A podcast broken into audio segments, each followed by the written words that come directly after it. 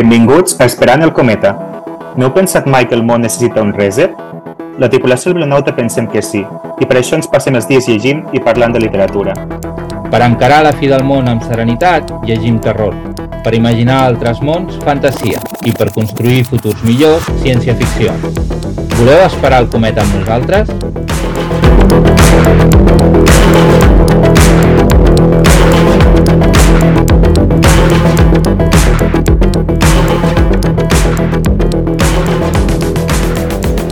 Doncs benvinguts a Esperant el Cometa, l'episodi 8, l'episodi d'agost. Uh, hem de dir que, com esteu veient, nosaltres no fem, no fem pausa a l'estiu perquè som un, un podcast molt motivat i hem pensat que, que tenim moltes coses per comentar, encara que sigui l'agost, i no sé si hi haurà molt de públic, però això queda gravat, per tant, qualsevol persona que estigui de vacances ja ho pot recuperar també al setembre. I en aquest episodi farem, farem una cosa especial, no farem com l'estructura que, que tenim acostumada comentarem tres seccions que no són ben bé les seccions normals. Per exemple, en, en una primera part eh, de que farem després d'aquesta presentació, farem un, un grup de recomanacions. Després sí que farem tertúlia, però serà una tertúlia que girarà entorn a un tema, que és que ja ho podem avançar, que és Terramar, amb qui contarem a més a més amb, amb la Blanca Busquets, que és la traductora de Leguin i de Terramar, per tant, a, al català, per Rasbert. I una tercera part que farem un cinefòrum, comentarem una, una sèrie de televisió, que també us avancem que serà uh, Good Omens 2 o Bons Sabaranys, com va ser traduïda la novel·la al, al català per, per eh, Mai Més llibres. Per tant, esperem que, bueno, que com aquest mes és un mes especial, volíem provar aquesta estructura i esperem que, que us agradi.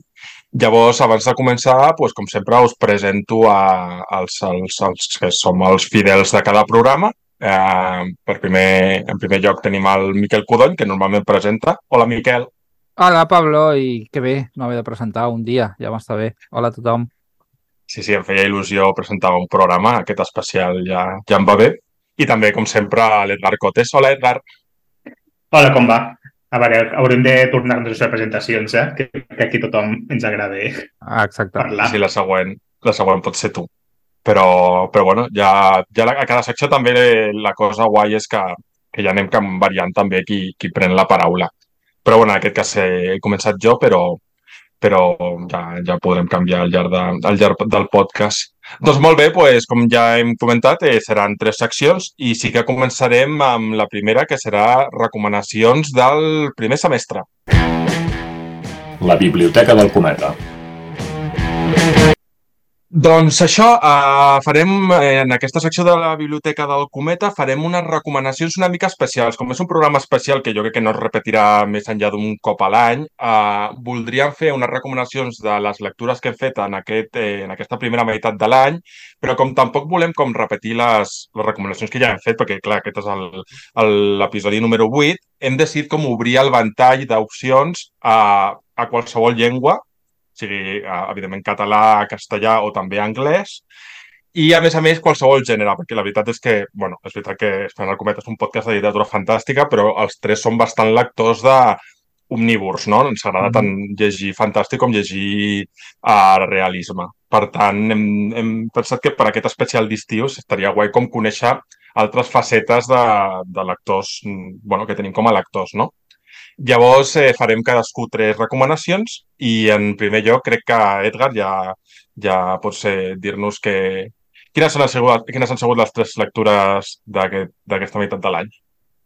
Sí, ha sigut una meitat d'any que no he tingut lectura, gaires lectures de 5 estrelles, 5 estrelles, però precisament la que, i curiosament, la, la que més 5 estrelles he posat, perquè és, es tracta d'una sèrie de manga, ha sigut Innocent, de Shinichi Sakamoto, que està publicat per Milky Way, i precisament tampoc no és de gènere, és, és manga, però, però és, és, una, és un manga històric que està ambientat doncs, a la, durant la Revolució Francesa i, i, um, i parla la història, explica la història de, de Charles-Henri Sanson, que és el botxí que va, que va matar a Lluís XVI i a Maria Antonieta. I destaco aquest manga perquè crec que que, que, que sobretot destaca primer pel dibuix, que té un dibuix espectacular, molt detallista, és dels, dels millors que, que, que he vist mai en manga, i que, és, i que sap ambientar-te moltíssim amb aquesta època de, de la Revolució Francesa i prèvia, i prèvia, perquè comença una mica abans, amb la història de la infantesa del, del botxí. I també com sap retratar la violència amb un estil molt cru i sanguinolent de les escenes violentes i precisament amb, amb aquest ús de les imatges que fa, fa un ús alegòric molt potent, amb molta força, càrrega simbòlica, que és el que m'agrada més i m'interessa més d'aquest manga, perquè expressa molt bé le, els dilemes morals i els, i, i, les, i, el, i, els, i com els reptes o com els, els canvi, eh, les decisions que han de prendre els protagonistes a mitjà, per mitjà d'unes imatges molt poderoses. I això, i, I això explica també que els personatges estan meravellosament desenvolupats. I per tant és una de les recomanacions que porto. La segona seria una novel·la que se n'ha parlat molt, malgrat que no és de gènere, però que té molts lligams amb el gènere, amb el món de friquisme en general, que és Demà i demà i demà, de Gabriel Zevin. En aquest cas parlo de la versió que està traduïda al català per Periscopi per l'Ernest Riera. I és una història que, que, sobre dos amics, el Marx i la, i la Sadie, que són amics d'infantesa que, que tenen com una relació molt tortuosa. Treballen junts primer com dissenyant videojocs i, fin i finalment acaben sent propietaris d'una gran, una gran empresa de videojocs. I la gràcia del llibre és sobretot, és sobretot aquest retrat de l'amistat el retrat d'aquests malentesos, d'aquestes coses que no es diuen al llarg dels anys, i sobre potser els límits entre l'amistat i l'amor i aquests odis no, no dits, aquestes coses no parlades.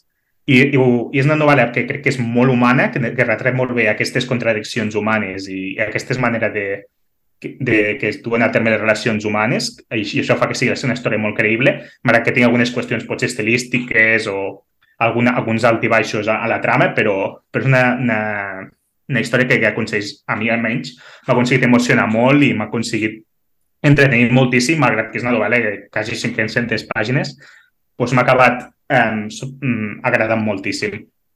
I finalment parlo d'un llibre que he llegit en anglès, aquest cop sí que és de gènere, de la Becky Chambers, que sí que tenim traduït del català amb la biologia de Mongi Robot, amb mai més, però uh, en aquesta novel·la que es diu To be tot i fortunate, um, és una novel·la que és en què la Becky Chambers, bueno, en realitat la Becky Chambers és com una autora que es caracteritza per un estil molt particular d'encarar la sense ficció, que és un to molt optimista, molt costumista, i en aquest cas doncs, dona, fa una mica de gir, malgrat que també els seus trets principals eh, de la Becky Chambers en aquesta novel·la, però fa una mica de gir al seu estil i ens presenta una història després òpera molt més científica, amb molt més, que recorde molt més la reflexió filosòfica que és de l'Stanisław Lema Solaris, per exemple, aquesta investigació més, mm, una mica més hard, pot ser, però, però eh, que acaba també portant a reflexions humanes i explica la història de quatre astronautes que, vi que viatgen a,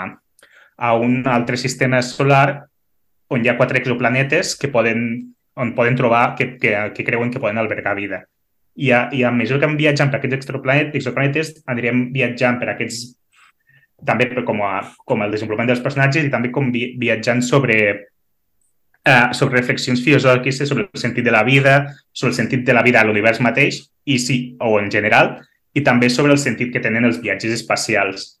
I crec que és una història molt potenta i que m'agrada molt i que espero que a veure si la podem portar aviat en català. No sé si heu llegit aquests llibres vosaltres. Què en penseu? Sí, eh, de fet jo he llegit els tres i he de dir que, si no sap greu que ho digui, que, i no sé, va ser una recomanació que et vaig fer fa un temps perquè per mi també és un, mm. és un dels meus mangas preferits. És, és una història que, que captiva, com dius, pel dibuix i per la trama, per aquesta ambientació de la Revolució Francesa, però des del punt de vista dels butxins, com comentaves, a mi em fascina per, per la complexitat dels personatges, per la psicologia, Mm, pel dibuix, com dius, que és, és molt detallat, però alhora també és bastant simbòlic, o sigui, sap com fer la part més eh, realista barrejada amb un punt de simbolisme per mostrar la degradació moral no? de, de certa aristocràcia i per tant per mi és una obra mestra i m'alegro molt que l'hagis portat al, al, sí, amb uns punts, a l'episodi. I amb uns punts molt gores també, de terror i molt gore, però sí, bueno, jo qualsevol recomanació que em fa el Pablo de manga i com diu això tot és així, jo li faig cas perquè sempre ho encerto. Molt bé, té molt bona pinta, la veritat. sí. Jo, jo aquesta... Les altres dos sí que les he llegit, les altres dos que has comentat, però de manga estic poc llegit, sobretot de manga contemporani. De manga de quan jo era adolescent estava molt llegit, però ara ja no. I, i té molt bona pinta, la veritat. Aquest m'ha cridat... De fet, dels mangas que hem anat comentant per aquí, potser és el que més m'ha cridat l'atenció. El buscaré. Sí, són uns quants volums, eh, també. Són, Bueno. crec, 9 la primera i 12 la segona part. Mm -hmm. És a dir, bueno, si t'hi poses, val la pena, però són, és llarg. Sí. Molt bé. I Miquel, has llegit les novel·les? De... Sí, he he llegit el Demà i demà i demà, que de fet, si més o menys el vam llegir al mateix temps, em penso tots Sí. tres, perquè anàvem comentant, i perquè sabia que el- que l'Edgar el volia portar avui al programa. Si no, és una de les que jo hagués valorat portar també. Em sembla que és una de les que és un dels blockbusters comercials d'aquest any que val la pena llegir, que val la pena llegir perquè té, té, molta, té molta xitxa, té molta xitxa i que hi ha coses que les fa molt bé. És un llibre que és llarg però que es llegeix molt bé. Si, si heu vist la sèrie, que a mi m'agrada molt, de Halt and Catch Fire, eh, té molts paral·lelismes amb, amb la forma de plantejar-ho i amb el tipus de personatges. No diria que és una novel·la perfecta, però és una novel·la molt interessant i, i, i molt ben plantejada. Jo la recomano molt, la veritat. I és veritat el que diu l'Edgar, no? que, que no és una novel·la de gènere fantàstic, no ho és, però sí que és una novel·la que pot ser d'interès per qualsevol, però per la gent interessada en el món, diguem-li friki, que no és una etiqueta de la qual jo sigui particularment fan, eh, doncs és particularment interessant. I l'altre, el To Be Tot i Fortunate, jo el vaig llegir quan va sortir, és una novel·la molt curteta, ara no me'n recordo quan va sortir, però fàcil fa 6 o 7 anys, jo crec que, que té un, un recorregut ja, i, i me'n recordo poc dels detalls, però, però sí que recordo que em va agradar molt. En el El podcast... 2019 va sortir, no tant. 2019, val, no tant, no tant, però, però ara els detalls no, no m'atreviria a, a, a comentar-los, recordo tot, el- tot el que has dit. Um, sí que amb el podcast que fem amb l'Alexander Paez en castellà, el Neo Nostromo, li vam dedicar un programa a la ressenya, vull dir que ja en parlàvem, i, i sí que crec que és interessant eh, donat que des de mai més estan publicant algunes de les obres de la Becky Chambers, de les que jo he llegit, que són relativament poques, aquesta possiblement sigui de les millors. Vull dir que sí que és un Sí. interessant. A mi també és la que més m'ha agradat de totes. Havent llegit A mi els també. dos primers de Wayfarers i els dos de Monji Robot, Jo, la que m'agrada més és aquesta.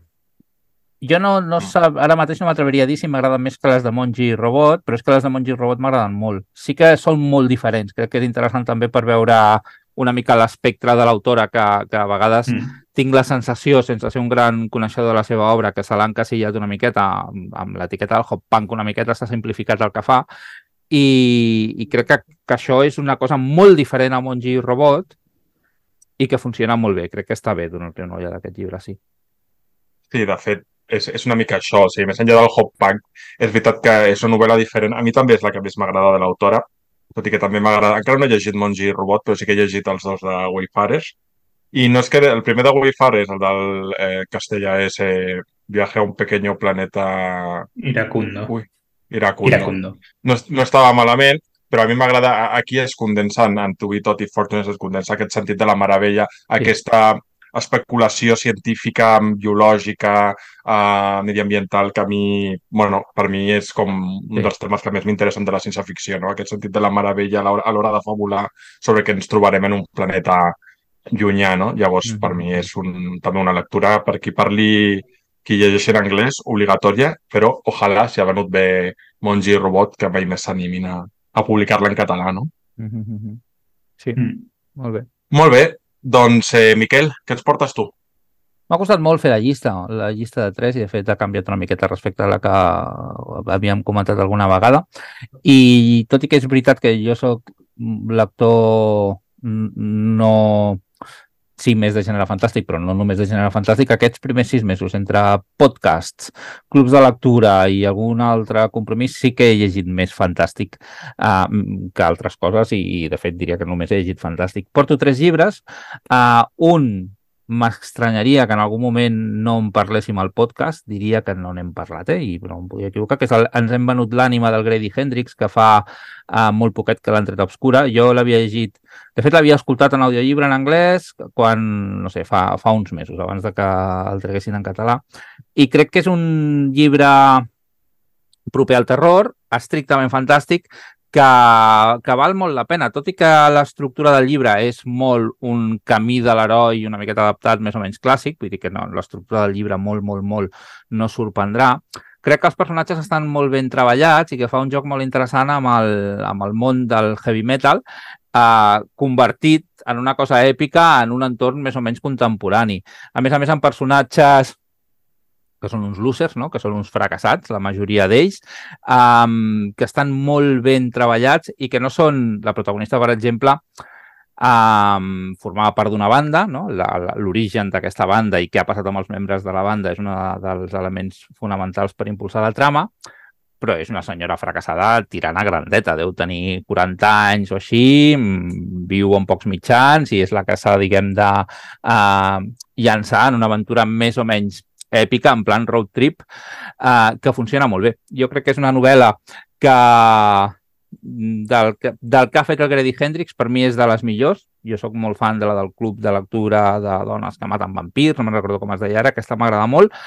Uh, però aquesta altra, sent més classicota en molts sentits, sent menys innovadora, segons com és més disfrutable. És típica novel·leta que, que funciona com un tiro i que és una cosa que jo a vegades valoro molt. Crec que explicar una història ben explicada no és tan fàcil i que es pot disfrutar molt.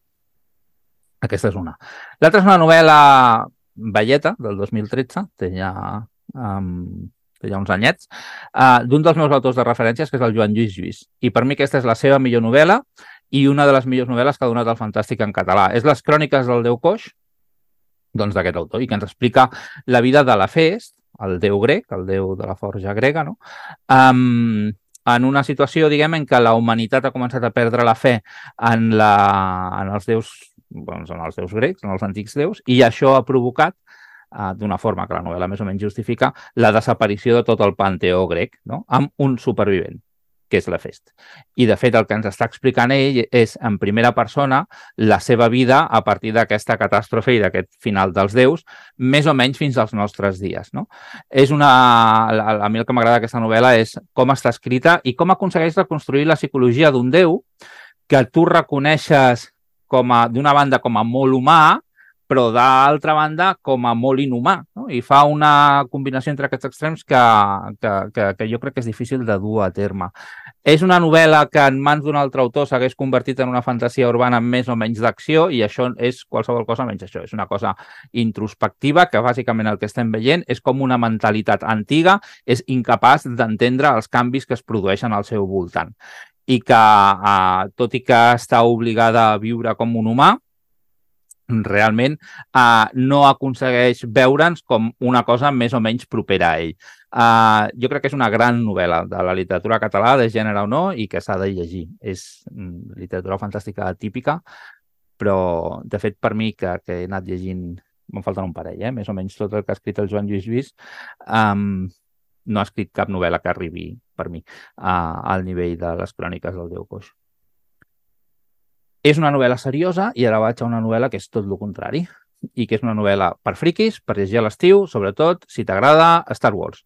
Jo l'he llegit en anglès, crec que en castellà està traduïda i m'encantaria que publica traduïssin al català algunes de les novel·les bones de Star Wars, que n'hi ha, que n'hi ha. Aquesta és Lost Stars, Estrelles Perdides, uh, de Claudia Gray i que ens explica una història uh, d'amor des de l'adolescència fins que són adults d'un un noi i una noia que es convertiran en pilots, però un d'ells es converteix en pilot per l'imperi i l'altre es converteix en pilot per la, per la república, no? En el moment en què comencen les tensions entre, entre els dos bàndols. Està molt guai perquè realment cadascun d'ells idealitza el seu bàndol, no? I és una miqueta... Té, té, Ara diré una cosa que semblarà un gran spoiler i en realitat no, hi, no ho és necessàriament, però que és una miqueta Romeo i Julieta en el sentit d'amors impossibles. No? Vull dir, ells s'estimen molt, però gairebé no es veuen i realment estan en bàndols on, on el bàndol contrari és, és, és el dimoni, pràcticament. Si t'agrada Star Wars... Si no t'agrada Star Wars, és una novel·la de ciència-ficció que està molt bé, lleugereta, no és complicada, però està molt bé, està ben escrita i, i, i, i jo crec que es pot disfrutar moltíssim, sobretot si t'agrada una miqueta la ciència-ficció tipus space opera. Però si a més a més t'agrada Star Wars i ets més o menys la meva generació, que t'agrada la trilogia clàssica, és super xulo com veus entre, entre bambalines, no sé, no sé com es diria en català, aquí el filòleg Edgar, ajuda'm, uh, com veus, doncs, diguem, de, de refiló el, els, alguns dels esdeveniments típics que veiem a les pel·lícules, sense que aquí tinguin un gran pes, però diguem, és, és el taló de fons en el qual estan passant totes les batalles que ells han d'anar-se enfrontant. Lost Stars de Claudia Gray jo crec que és una novel·la que jo, jo trobo a faltar a vegades, ho hem parlat a vegades crec també, uh, dintre del fantàstic català, que jo crec que a nivell de diversitat està molt bé, franquícies. Trobo a faltar alguna ciència-ficció que no necessàriament literàriament és d'una gran qualitat, però que comercialment pot ser molt atractiva i que de vegades a mi, per exemple, em ve de gust. I dintre d'aquí hi ha part del món de Star Wars. No? Sé que hi ha tot un estigma associat, eh? això de les, de, de les obres derivades de... Avui, de fet, parlarem però d'una obra derivada de, no? de, del Bons Avaranys mm. després. Um, i, i, I crec que a vegades és un error. S'ha d'anar guiat, jo no em llegiria ni de conya tot el de Star Wars perquè estic segur que hi ha molta cosa infecta, però també hi ha cosa que val la pena llegir. I t'agradi més o menys la saga, eh? però vull dir que no, no necessàriament és mala literatura. Jo aquí recomano aquest Estrella, Estrelles Perdudes de la Clàudia Gray, que a més a més crec que ha estat una de les renovadores de, del cànon literari de Star Wars. Sí, eh, a més a més, Clàudia Gray eh, va ser convidada al, al Festival Celsius de Vilés Ostres. i a mi la veritat és que potser tu vas perdre, no? Ja no vas sí, venir. Jo crec que va ser no, el 2000, 21 o el 2022, no me'n recordo. No, no no passat, pot ser. No, no ho sabia. No sé. Pot ser el 2022. A mi em va interessar molt, perquè és el que dius, és una escriptora molt competent que té, a més a més, molta, moltes vessants, té una vessant pròpia no, de la seva literatura i també ha participat més, en més d'una novel·la amb Star Wars. I la veritat és que l'has venut molt bé, però és un pou. És el que jo anomeno un pou, que és aquestes tipus de, de franquícies, sagues, que són tan llargues que si t'agrada estàs perdut, perquè consumeix bueno, hi ha tanta cosa que pot consumir molt de temps. Però jo no, no hi estic d'acord, eh? en el sentit de que aquesta concretament et pots llegir aquesta i ja està, no forma part d'una saga. És una novel·la que és independent. No és un... Hi ha altres novel·les de Star Wars que sí, que clar, que, que plantegen un, un... has d'anar seguint les novel·les. Aquesta no és el cas, però en aquest sentit un Pou és també, i, i ho dic sense segones, eh? perquè a mi m'agrada molt, però un Pou és també el Brandon Sanderson amb el Cosmet, no? I, i tot i així la gent... Evidentment. Aquesta no, aquesta és més independent. Jo crec que si, si aquesta et crida l'atenció, te la pots llegir, té un principi i un final plenament satisfactori i oblidar-te de les novel·les de Star Wars per sempre més. No, no, no, no t'exigeix que hi entris més. I a més són personatges, són personatges, diguem, que no surten a les pel·lis, amb la qual la història com a tal és independent. Sí, demanaves abans és, Sí, és, és bon bambolines, amor. Però ja està, no? Per això he fet cara com me sonava que estava bé, però amor. bueno, um, jo en aquest jo eh, he llegit el del Cròniques del Déu Coix sí? eh, fa molt temps. Crec que em, em, va agradar, em va agradar, crec que recordo alguns punts que era molt original, l'argument i tot, però clar, fa molt, fa molt temps i no la recordo molt. I l'Ensemble l'ànima pues, vaig corregir l'edició en català d'Obscura i, i la traducció és molt, està molt ben feta, la de la Marta Armengou, i, i és un llibre, a mi no és el meu preferit del Gary Hendrix, però també no puc opinar com a corrector, perquè com a corrector a vegades mm, eh, els llibres es llegeixen diferent, no? Però, però crec que té uns punts molt... És com una història molt, molt palomitera, molt entretinguda, i que té uns, i que això, estic d'acord amb això que els personatges que estan molt ben fets i aquestes contradiccions de, d'haver perdut la banda i de, i de tot, tot plegat està molt ben fetes. Molt bé. Sí, és palomitero, eh? Vull dir que jo el, el venc com a llibre d'entreteniment per l'estiu que val la pena fer-li una ullada, no? Sí. Mm -hmm. Molt bé, doncs acabo jo amb les meves recomanacions d'aquesta primera meitat de l'any. Uh, volia començar amb un dels meus gèneres preferits, més enllà del fantàstic, que és el que jo anomeno el salseo burgès és aquestes històries de, de gent rica que, bueno, pues que t'expliquen una mica el seu món i, i, i el, el melodrama de, de, de que, que envolten bueno, aquestes classes socials altes que sovint bueno, pues, tenen un, un estil de vida rocambolesc i que, a més a més, sempre que es faci des de, des de la crítica social a mi m'encanten. I una novel·la que, Succession total, o sigui, Succession per mi és la sèrie de salseo burgès més interessant que s'ha fet els, els últims anys. I a nivell literari, evidentment, hi ha moltes obres, perquè la literatura eh, anglesa ha donat bueno, un munt de, de referents en aquest sentit, però en aquest cas eh, serà una obra, comentaré una obra de la literatura americana, nord-americana. És un petit plaer que es va publicar a principis d'any, d'aquest any, perdó, i és La dona soltera d'Edith Wharton, que està traduïda pel Ferran Ràfols i per mi és... Jo, Edith Wharton és una autora que no n'he llegit gaire, però el que he llegit m'ha agradat molt. És una autora molt competent, que bueno, té un ús del ritme molt, molt, molt interessant i molt actual i és de principis del segle XX i ens transporta com a, a bueno, també aquesta primera meitat del segle XX a, a, a Manhattan, a Nova York, per retratar aquestes classes altes que vivien amb unes certes convencions socials.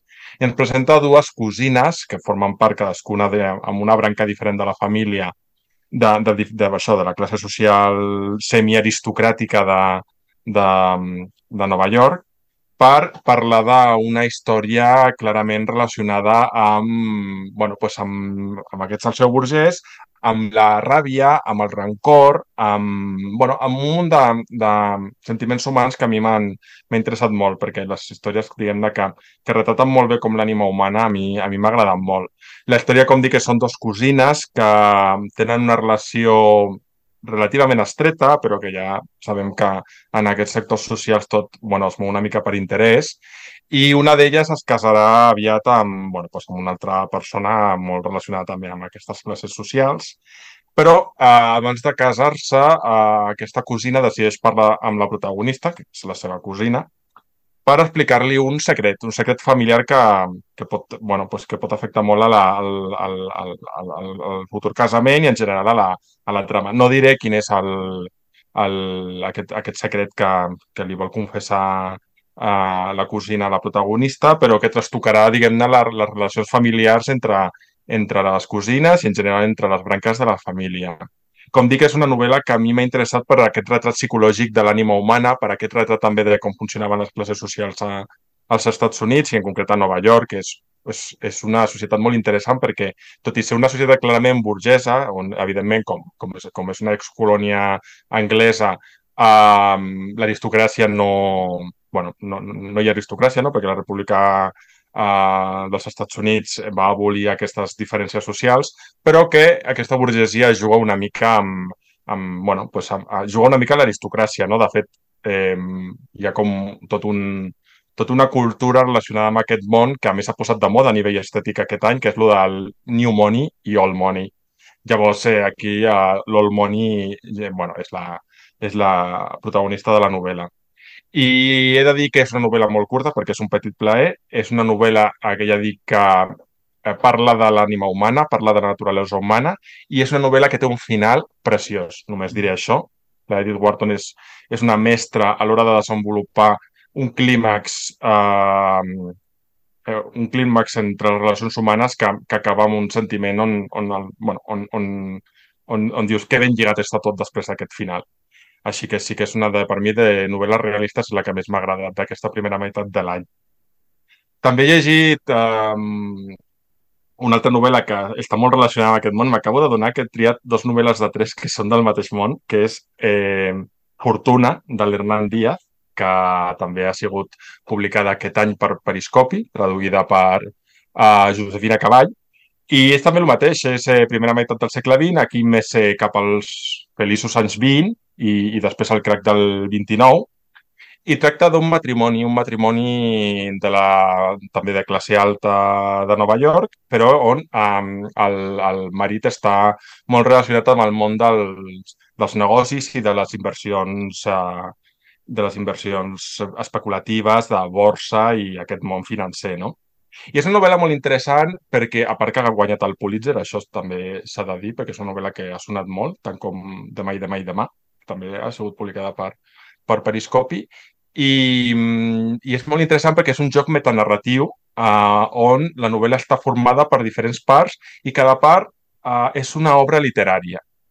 Com, o sigui, no és com el narrador no és el típic narrador omniscient, sinó que eh, uh, veurem com el, el devenir, el, el devenir d'aquesta parella, d'aquest aquest marit i aquesta dona, sobretot el marit, uh, també per part del diari, d'un diari escrit, d'una un, novel·la i dels records d'una persona que va conèixer i va treballar amb el, amb el marit.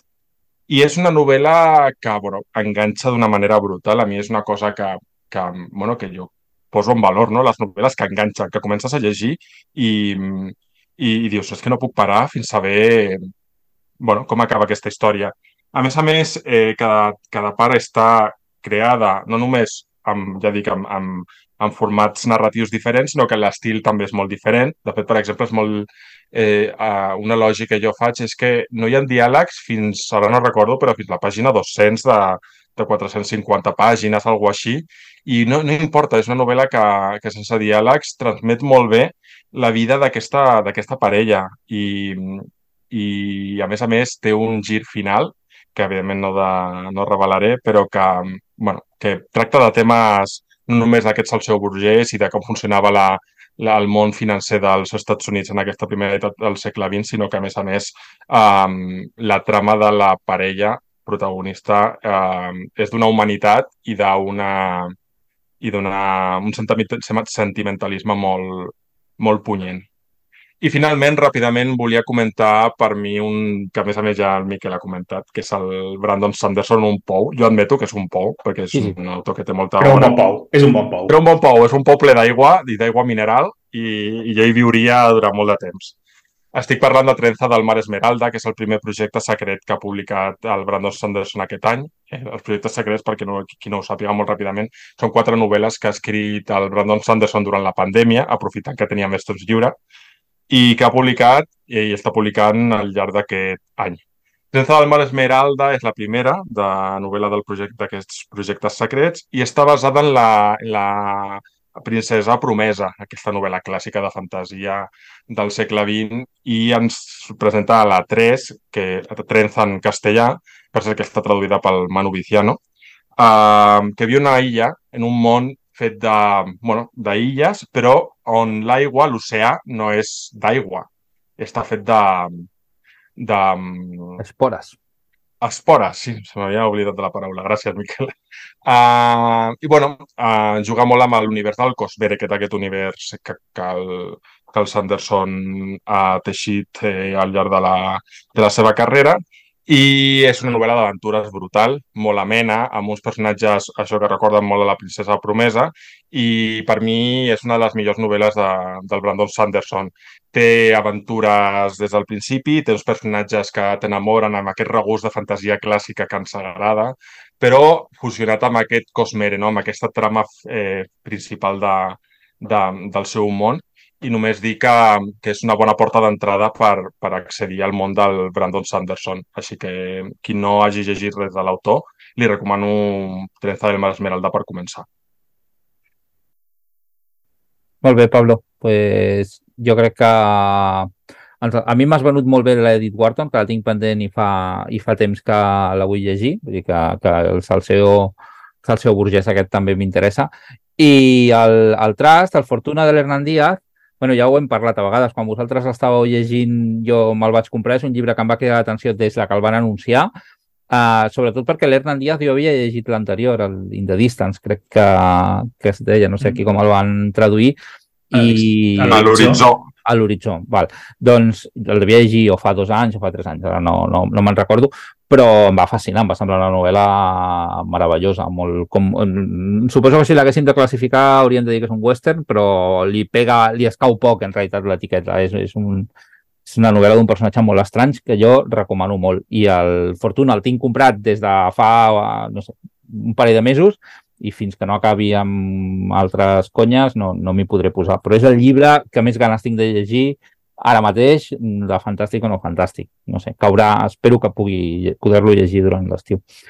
I el de 3, el del Brandon Sanderson, és una joieta. Jo aquest el vaig escoltar també en audiollibre. A més a més, l'audiollibre en anglès, si, si, si el podeu escoltar, és meravellós com està llegit. És, és una narració fantàstica i, i tot i que té connexions amb altres llibres del Sanderson que et fan valorar altres coses, crec que funciona, deu funcionar com un llibre aïllat en si mateix i és una... Sí, està basat en la princesa promesa, però basat de lluny i de refilada i amb el sol de cara, eh? Vull dir que... que no, Sí, sí, sí. És molt guai. Jo estic molt d'acord amb És, la... està, inspira, està inspirat en, en, en, en, en l'estil de la princesa promesa, però els personatges són completament I- diferents. I, I quan ho diuen, sí. sí. ho, soc capaç de veure-ho, vull dir que no... no Sí, el protagonista. Sí, sí. De fet, la protagonista és com una buttercup, uh, però amb més capacitat d'agència, no? Capacitat d'actuar. I he de dir, que no he comentat, que hi ha pirates, que jo això és una cosa que sempre, que sempre mola Sí. en una novel·la. I jo, Sí. jo he de... Perdó, només dir que és una de les coses que he llegit del Sanderson, que n'he llegit unes quantes, sense ser que més m'ha agradat. Em sembla una passada. Sí, no només, i no només per això, per pirates, sinó perquè això de les espores és, és una idea espectacular. Sí. I, I és que et fascina i dius, hòstia, que, eh, malgrat que passa d'una vegada, dius, és que encara hauries pogut fer moltes més aventures en aquest món i vull saber més coses, de, que passin més coses, Totalment. quines que fan les altres espores, perquè només veus unes poques que fan les poques, no veus totes, i dius, què fan les altres? Mm. Que té una combinació de guai, no, el món, la protagonista i el narrador, o sigui, la combinació de les tres coses és meravella. Clar, és que això és un tema que... El, el, és un tema que no he volgut aprofundir perquè cal, ser, cal estar iniciat amb, amb, amb el Cosmere del Brandon Sanderson, però el narrador eh, es diu Hoyt, que és un personatge transversal a totes les novel·les del Brandon Sanderson que estan en aquest món del Cosmere. I, I les espores, a més a més, clar, la gràcia és que les espores reaccionen a, a, bueno, en aquest món, sobretot amb l'aigua, i les espores venen d'un altre planeta i estan relacionades amb una font d'energia que és l'èter, que és una font d'energia molt important en el Cosmere, tot i que el Brandon Sanderson encara no, no l'ha explicat molt bé. Però és una cosa que això ja és com eh, detallets per, per, pels que estem ja molt posats en el món del Cosmere, però que no cal per gaudir de la novel·la eh, plenament, diguem-ne. Molt bé, doncs passem a la següent secció, a la tertúlia especial de Terramar amb la Blanca Busquets. La tertúlia. Doncs hem arribat a la tertúlia. Com ja havíem dit al principi del programa, aquest és el programa d'estiu i volíem que fes una cosa, que fos una coseta una miqueta diferent a altres programes que hem fet i en aquest cas hem decidit dedicar la tertúlia a una sèrie de llibres que tots ens agraden molt, que són els llibres de Terramar de la Úrsula K.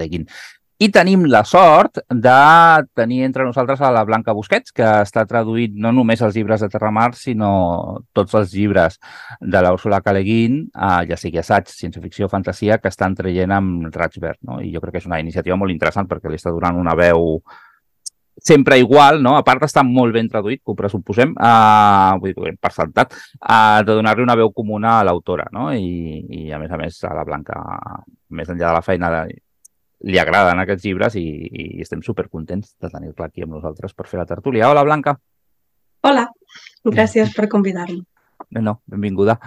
Um, Benvinguda. I si us sembla, uh, passem directament doncs, una miqueta a parlar. No? El Terramar, molts de vosaltres, jo crec que dels oients del podcast, mm, o ja ho heu llegit o teniu molt clar què és. No? És aquesta sèrie de llibres, la majoria d'elles d'ells novel·les, uh, però un concretament relats, en els quals la Úrsula K. Le Guin, al llarg de tota la seva vida, uh, va explicar la història d'un món format per illes, aquest Terramar, en el qual la màgia és molt important i està vinculada al, a, a, l'ús del llenguatge. No? Val, no dono aquí molts més detalls perquè, de fet, molts de vosaltres els coneixereu, però són uns llibres que es van publicar, crec que el primer és al 70 i poc. Pablo, potser tu te'n recordes de, de quan és? El 68. 68. 68. 68 i, i va estar publicant-los ben bé fins al final de, de la seva vida amb un interval entre el tercer i quart, crec que vam dir ahir que era de 18 anys mentre mirava una Sí. miqueta sobre el programa, no? amb la qual eh, la seva evolució com a autora i com a persona es reflecteix molt bé en uns llibres que al llarg de la saga es van com reinventant. Ja, ja, ja veurem una miqueta, ja, ja, sortiran les idees a la tertúlia. Potser la primera pregunta, i, i farem que posi en marxa la roda la blanca, ja que la tenim aquí, és com, vau arri com heu arribat a Terramar, com hi vau arribar quan els vau descobrir aquests llibres? Vols dir com es va prendre la decisió de traduir-lo? bueno, com a traductora també, però fins i tot com a lectora. No sé si en el teu cas ja els havies llegit abans de traduir-los. Vale, doncs tu hi vas arribar com a No. traductora. Doncs en, en el Sí. teu cas, com es va prendre la decisió? Em, de fet, Le Guin era una d'aquelles autores que tenia la meva llista interminable de, de lectura que procuro no mirar-me-la gaire perquè a vegades m'aclapara tant que no, que no puc. I no, no l'havia llegit i jo treballava a Raig Verd en aquell moment, eh, havia fet unes pràctiques i després estava doncs, d'assistent editorial i la Laura un dia em va fer seure, la Laura Huerga, i em va preguntar que jo en realitat què, què volia fer. Que si volia seguir doncs, com a assistent editorial, si volia mirar més doncs, l'administració de l'editorial o què volia fer. I no m'ho vaig haver de pensar, jo vaig dir, ui, vull traduir, jo no vull fer res de tot això. I, i llavors em va dir, bé, d'acord, doncs a poc a poc anirem doncs, anant cap allà, no? Vaig traduir Tiongo, que va ser el meu primer, Gugi wa Tiongo, que va ser el meu primer llibre, i després d'això, doncs, no sé, la Laura volia més dones al catàleg, eh, també li agrada molt la ciència-ficció i la fantasia i estava buscant doncs, alguna cosa i es va, es va fixar en Leguin, va decidir que volia traduir-la. Al començament va ser o sigui, era cosa d'un llibre, un, un, ens va semblar que no aniria més enllà dels desposseïts. I va anar molt bé, i es va vendre molt bé, i això li va donar força a l'editorial doncs, per poder seguir, i doncs, de la ciència-ficció doncs, vam saltar a, a terra-mar. I va ser així, jo hi vaig arribar així, o sigui, clar, un cop em va donar els desposseïts, jo ja vaig anar llegint més Leguin, em vaig quedar molt en la ciència-ficció al començament, i, i vaig arribar a Terra Mar també perquè me'l va proposar ella com a traducció. La, la, més endavant a la tertúlia sí que intentarà serà una miqueta fer una comparació entre ciència-ficció i, i fantasia a la seva obra. Però de moment seguim amb aquesta nova pregunta. Um, Pablo, tu com hi vas arribar als llibres de Terramar? Jo vaig, jo vaig arribar d'adolescent perquè, mm, bueno, jo, jo de, ja de petit ja llegia bueno, literatura fantàstica. Tinc la sort de que, bueno, alguns ho sabeu, que el meu pare és escriptor i, bueno, mm, dintre de la seva obra eh, ha tractat eh, fantasia i ciència-ficció. I jo, bueno, amb 13 anys eh, vaig llegir, bueno, primer El Hobbit i El Senyor dels Anells i després vaig passar altres obres de fantasia, amb fantasia èpica molt clàssica, com Dragonlance i coses així, i coses així. I amb 15-16 anys el meu pare veia, veia en plan, vale, aquest noi clarament li agrada això, anem a provar que intenti anar més enllà de la fantasia èpica còpia de Tolkien. I un dia va venir i em va comprar um, els quatre primers llibres de Terramar, que en aquest moment, estem parlant dels anys 2000, només es trobaven en, en les edicions de butxaca de, en castellà de, de Minotauro. Llavors jo el vaig llegir mm, amb 16 anys més o menys i, i al principi, bueno, em va costar perquè l'estil és molt diferent. Jo, clar, jo estava acostumat a batalles i, i, i, i, bueno, mags que lluiten contra les forces del mal i clar, aquest estil de l'Aleguin, com tots sabem, és una mica diferent. Llavors, en plan, ui, això no és el que estic acostumat a, a llegir. I el primer em va costar, però ja a partir del segon, que ja en parlarem, la diferència entre el primer i el segon, però em va agradar molt més. I vaig llegir només els quatre primers, perquè eren els que tenia, i no vaig passar. I llavors fa un parell d'anys, amb la pandèmia, vaig tornar a rellegir uh, amb la sortida, a més a més, de, de les edicions en català i ja vas acabar de llegir també el, els contes i l'altre vent.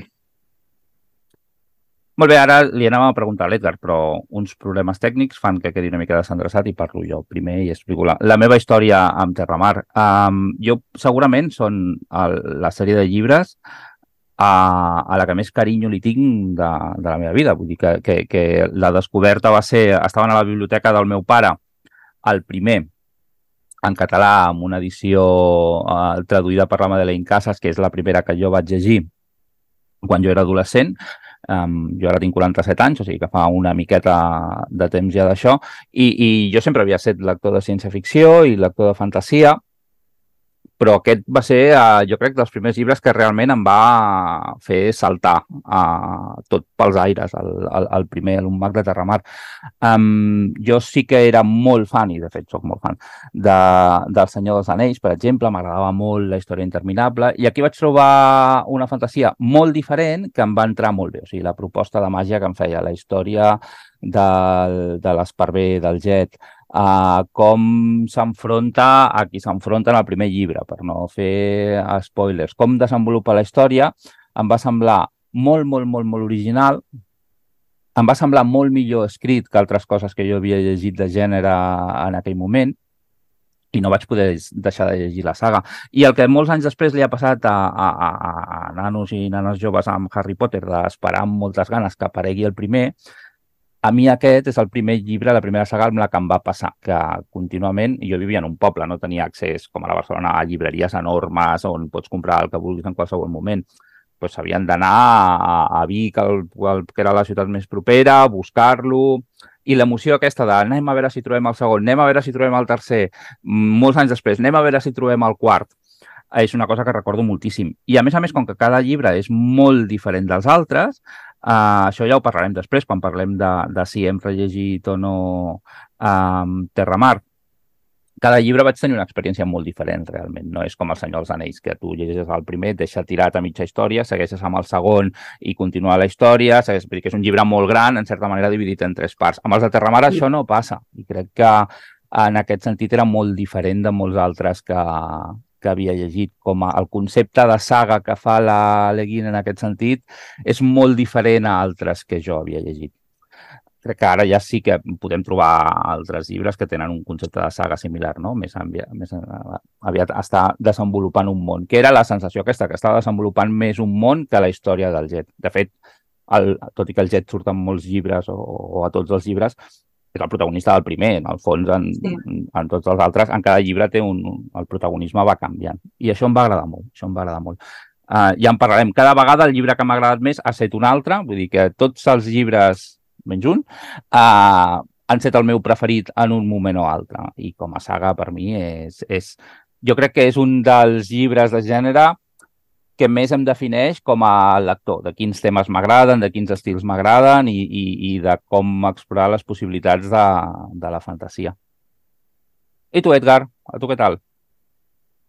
Eh, en el meu cas, jo només llegit un cop, perquè jo la, la Leguin... bueno, jo vaig començar a llegir més aviat a primer fantasia, però com Harry Potter i, i després vaig saltar les distopies juvenils i fantasies que estem de, de moda en aquella època, tipus Dragon, i després ja vaig saltar directament a descobrir la ciència-ficció tipus Asimov, Bradbury i tot plegat. I llavors era com el, el salt lògic era fer Leguin i, i vaig llegir més aviat doncs, La màscara de foscor i els desposits. I llavors més, més endavant ja vaig descobrir Terramar i, i justament crec que vaig llegir el primer com dos anys o un any i poc abans que es comencés a publicar en català. És a dir, que el mhm. vaig descobrir més aviat una mica més tard. Sí, que es publica en català en, en l'actual edició, vols dir? En l'actual, sí, per la, en la traducció de la, de la Blanca, perdó. Uh mhm. -huh. Sí, sí, no, no soc, no soc tan vell, jo. Eh. eh. Ojo, eh? I, que t'ha dit tu, eh? T'ha dit tu. Ja que t'he dit Um, I m'he perdut amb això. Així que, que vaig començar a llegir això i, de fet, ja a partir del quart o el cinquè ja vaig començar a llegir la traducció de la, de la Blanca. Ja vaig saltar a la traducció. Estava llegint abans en castellà, perquè mm -hmm. les mhm. altres ja no què trobaven gaire, i llavors ja vaig saltar a la traducció de la Blanca. I, i clar, em va... I, i, i com que ja era una mica un lector una mica més experimentat, ja vaig entrar de seguida amb, amb l'estil i amb la, i amb el món que presenta com, i, i, la, i, i la poètica de, i la diferència que, que, que es nota en aquesta saga mm. de ser una saga molt menys violenta i molt més, menys... Mm, bueno, és una, un altre encarament al que estàs acostumat a la fantasia èpica de, eh, normalment, que és tot batalles i tot, i tot més, molt, més, molt més centrat en la violència. I en aquest mm. cas, doncs, amb, amb tot això d'Escola Max, que també, pues, òbviament, et recorda a Harry Potter, doncs, però des d'un altre punt de vista... Sí, sí, exactament, ah, que ah. és al revés, però, però clar, tu havent llegit abans l'altre, doncs dius, ah, mira, sí. doncs eh, ja veus que és un referent. I llavors em va agradar moltíssim, també. I, I he anat llegint a poc a poc, també perquè crec que aquesta saga es presta més a llegir-la a poc a poc i no tota seguida que amb altres sagues que és més de passar pàgina, aquesta crec que és, és més d'anar llegint a poc a poc al del temps i anar, i anar com empapant més de tot el, tot el que et transmet Leguin. I segur que aquesta saga en el futur la tornaré a llegir i rellegir, com li ha passat al Miquel. Sí, ara jo crec que, que, que ara que treus això de, de si aguanta el pas del temps i que de llegir-la llegir jo crec que precisament pel fet aquest de que siguin llibres, que en el fons són llibres diferents i amb intencions diferents, um, la pregunta era si, si els heu rellegit, no? Ja, l'Edgar ja, ja ha dit que, que no, que els ha llegit només una vegada. Uh, Blanca, no sé si en el procés de traduir quantes vegades els deus haver llegit, possiblement. possiblement... No, no sé. o, o, o, però sí que els he... Uh, la, la primera trilogia, els altres tres encara no, però sí que els he escoltat. Ah, que Perquè, de fet, vaig trobar el segon, que és un dels meus preferits, eh, vaig trobar el segon a YouTube, en un, que ja no el trobo, ja, ja no sé on és, ho deuen haver tret per drets d'autor i coses així, però estava llegit, els primers capítols estaven llegits per ella, per, per Ursula K. Le Guin. Ostres, que guai. I, i el, vaig, eh, el vaig escoltar, no el vaig descarregar i, i ara ja no, no el trobo i llavors vaig dir, ah, doncs també m'agradaria els altres dos i els vaig trobar, no, no me'n recordo en quin servei d'aquests de, d'audiollibres i els vaig escoltar tots dos, el primer i el tercer. Però els altres tres encara no. Va, em sembla que ho tinc massa recent. M'he d'esperar una miqueta. Clar, clar. I, I tu, Pablo, sí que tu els vas llegir fa... Tu ets jovenet, però, però fa més temps que... No tant com l'Edgar. Ah, sí. Clar, jo, jo ja dic, ja els vaig rellegir amb 16 anys, ja, jo soc del 90, per tant, més o menys el 2006. Uh -huh. Uh, jo amb la relectura uh, clar, notes coses diferents. Primer, clar, quan ets adolescent t'agrada tot més, perquè no tens tant bagatge, eh, tot t'enlluerna més. I llavors amb la segona lectura també ets conscient com de, pues, de, de, de, de lo que fa estilísticament l'autor quan abans és oh, Max, oh, eh, Drax, i és el que et quedes. Llavors sí que em va passar, per exemple, aquí segurament tindré una mica de polèmica, el primer se'm va fer molt llarg. També perquè, clar, amb la relectura més o menys sabia, perquè la trama no és molt complexa, llavors, què me'n recordava més o menys? Vale, hi ha l'Esparver, que, que va a l'escola, després l'ombra, no? Com... Llavors, um, la primera meitat mi em sembla fascinant, perquè, clar, és tornar a l'estil de, de, de l'Aleguin, a tornar a conèixer el, el, el personatge, bueno, els personatges, però la segona part, que és aquest moment de, de, bueno, de, de, de recerca de l'ombra per lluitar contra ella, per confrontar-la, a mi se'm va fer molt llarg. La persecució se'm va fer molt llarga, perquè va d'illa en illa i passa molt de temps, només com vaig aquí, no hi ha res, vaig a una altra illa. A mi aquesta part se'm va fer molt lenta. No és que no m'agradés, evidentment, mm -hmm. perquè a més hi ha aquest punt de, de nostàlgia que sempre ajuda, a, fins i tot quan dius, uf, se m'està fent feixuc, fins i tot en aquell moment, i això és que m'encanta com està descrivint aquesta illa, però sí que em va baixar en aquest sentit una mica la imatge que tenia. Segurament la imatge que tenia estava també um, bueno, pues, eh, distorsionada per la nostàlgia, no? Um, llavors, um, em va costar, però el segon per mi mantenia, mantenia per exemple, el, el, bueno, l'emoció que, em, que em va, em va, em va, em va generar quan, quan el vaig llegir i a més a més vaig entendre pues, una, una, bueno, una, un, una lectura política que té la novel·la, la segona, bueno, totes, però la, la segona jo crec que una de les que més clarament té una lectura política ja l'entenia en plan, ostres, tot això a mi se'm passava, per mi era simplement amb 16 anys pues, una història la història concreta, no, no, no llegia el, el rerefons, no llegia mm -hmm. aquesta idea de la, de, de la dona eh, bueno, pues, eh, per mi, clarament, ja, ja parlarem, eh, però aquesta analogia de la, la, la, de, la, de la independència de la dona o de la búsqueda del coneixement, passar d'estar a les fosques a, a veure uh, la llum. Uh, bueno, en tot cas, um, la segona sí que em va agradar més. La tercera ni, ni em va agradar, ho sento molt, però ni em va agradar la primera, la primera lectura ni em va agradar en, en la relectura. Crec que és com tornar a la primera però sense aportar gaire cosa. Per mi és tot el mateix en plan d'illa en illa fins a arribar al, al, al, al confrontar, la confrontació final. I la resta m'han agradat molt. Teano també molt, és l'etapa que ja hem dit dels, de partir dels 90 de la, de la Leguin. Teano jo crec que de les novel·les és la meva preferida. Uh, els contes m'encanten, sobretot el de, ja en parlarem, però el de Rosa, Rosa Fosca i Diamant em sembla segurament la història més bonica de, de tot Terramar. I l'altre vent està bé. I crec que no és la millor, però, però m'agradaven les idees i com tancava una mica l'arc dels personatges. Sí, jo abans de, explicar les meves relectures una miqueta un, un, un disclaimer personal, que és que jo sóc molt poc objectiu amb Terramar. Vull dir que, el, a més a més, que els he llegit tantes vegades que el, el, el, la pregunta de és una bona novel·la, no és una bona novel·la, em queda molt desdibuixada. Em costa, em costa molt uh, analitzar-la a aquest nivell una miqueta, perquè m'agrada tant tot que, que m'és molt difícil. Vull dir que sóc molt poc objectiu, en definitiva. El, jo les he llegit, sobretot les quatre primeres, moltes vegades. La primera igual l'he llegit deu vegades, no sé, moltes. Vull dir, perquè per, per A o per B, els estius els rellegia, llavors per clubs de lectura l'he hagut de tornar a llegir, per preparar coses... Uh, potser la que menys vegades he llegit, bueno, els contes, que els estic acabant ara, em falta un trosset del darrer conte, els contes és l'únic que encara no havia llegit i, i era una, falla irreparable, eh? perquè em semblen meravellosos, em sembla un, un, un llibre que posa colofó a la novel·la, a, a la saga de novel·les molt millor que l'altre vent, em sembla que és, que és un, un, un compendi perfecte per mi. Um, I l'altre vent, que per mi és la, la, a mi és la que menys m'agrada, és la que menys m'arriba, tot i que m'agraden els temes, um, em sembla menys, menys ben lligada que totes les altres, és la que menys vegades he llegit. Però les altres moltes vegades. I, i a més a més, en, al llarg de la meva vida, que clar, passen moltes coses i a més els llibres estan escrits en moments de la vida de l'autora molt diferents, um, la meva relació amb cada llibre ha anat canviant. La primera vegada el que més em va agradar amb diferència va ser el primer, el segon em va costar molt entrar-hi i en canvi ara és el que més m'agrada de tots. Em sembla una novel·la de fantasia eh, pràcticament perfecta dintre del que és gènere fantàstic, independentment de Terra Mare o no, em sembla meravellosa. El tercer estic molt d'acord amb el que tu dius, Pablo, que és revisitar el primer posant el, el Jet com a figura, diguem, guia, no? com a figura més, més paternal del, de l'Arren, del Levanen.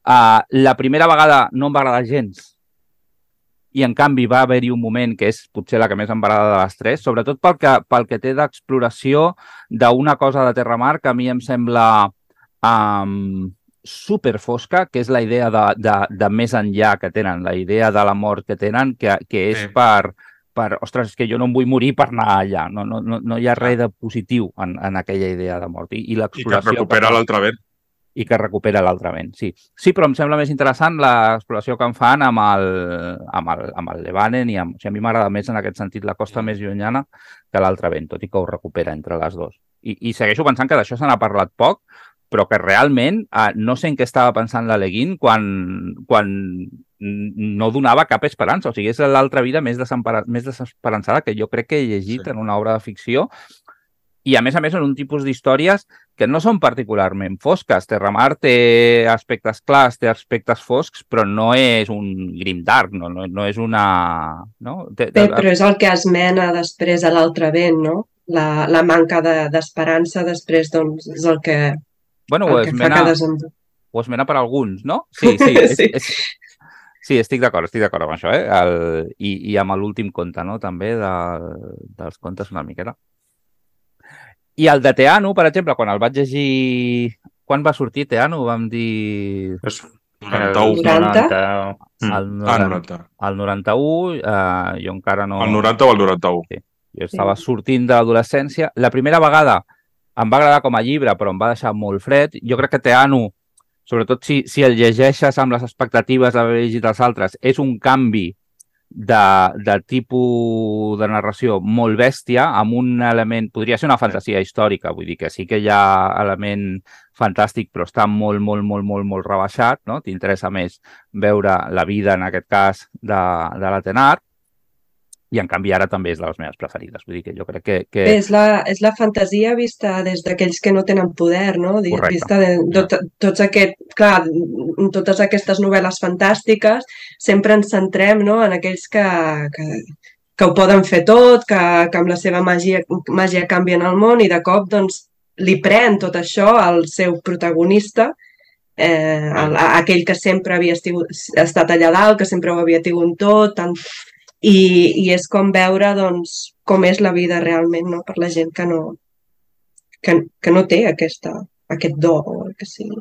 Que acaba sent com més aviat com una novel·la molt, molt més costumista, com un, un to molt, molt de la vida diària de seguir de, de, de la Tenar i la, i la Teano, que, que, és un, que és un gir molt interessant també. I també és com insistir en aquesta idea de d'anar en contra de, de, de, la, de que tenen el Leguín d'anar en contra de la violència i, de, i del pacifisme, no? I, i aquesta cosa anarquista que deia. Um, jo noto molt, també. Clar, ha passat molt de temps, eh, des de la tercera a la quarta, són això, 15-16 anys, i es nota molt que la, que l'Aleguín volia, estava, portava temps pensant com girar-li, no, no girar, però canviar una mica aquesta idea de la màgia en, en, en, en les novel·les, perquè clar, havia fet que, bueno, que els mags eh, fossin homes, les, les dones que feien servir la màgia eren bruixes i a més a més estava mal vist, hi havia la frase aquesta que és que no me'n recordo lo de... De la màgia de dona, no? Més perversa que la màgia de, màgia de bruixa, no recordo com, com, com era el, la dita. Però, clar, llavors notes com la, la sensibilitat en aquest sentit eh, de la, de la Leguin era més clara de buscar una sortida a, a l'ús de la màgia per part de les dones que fos més, més, bueno, més, més igualitària i, a més a més, donar-li, el que deia la Blanca, eh, aquesta idea dels de els, els, els desposseïts, a la gent, a la gent que no, que no té res, fins i tot en, en, en el punt de fer una cosa com molt bèstia, que és eh, eh, descriure un, un cas d'abús infantil, com és el que pateix la, la Teano al principi de, de la... Mm -hmm. quan, és, quan era eh, petita, no?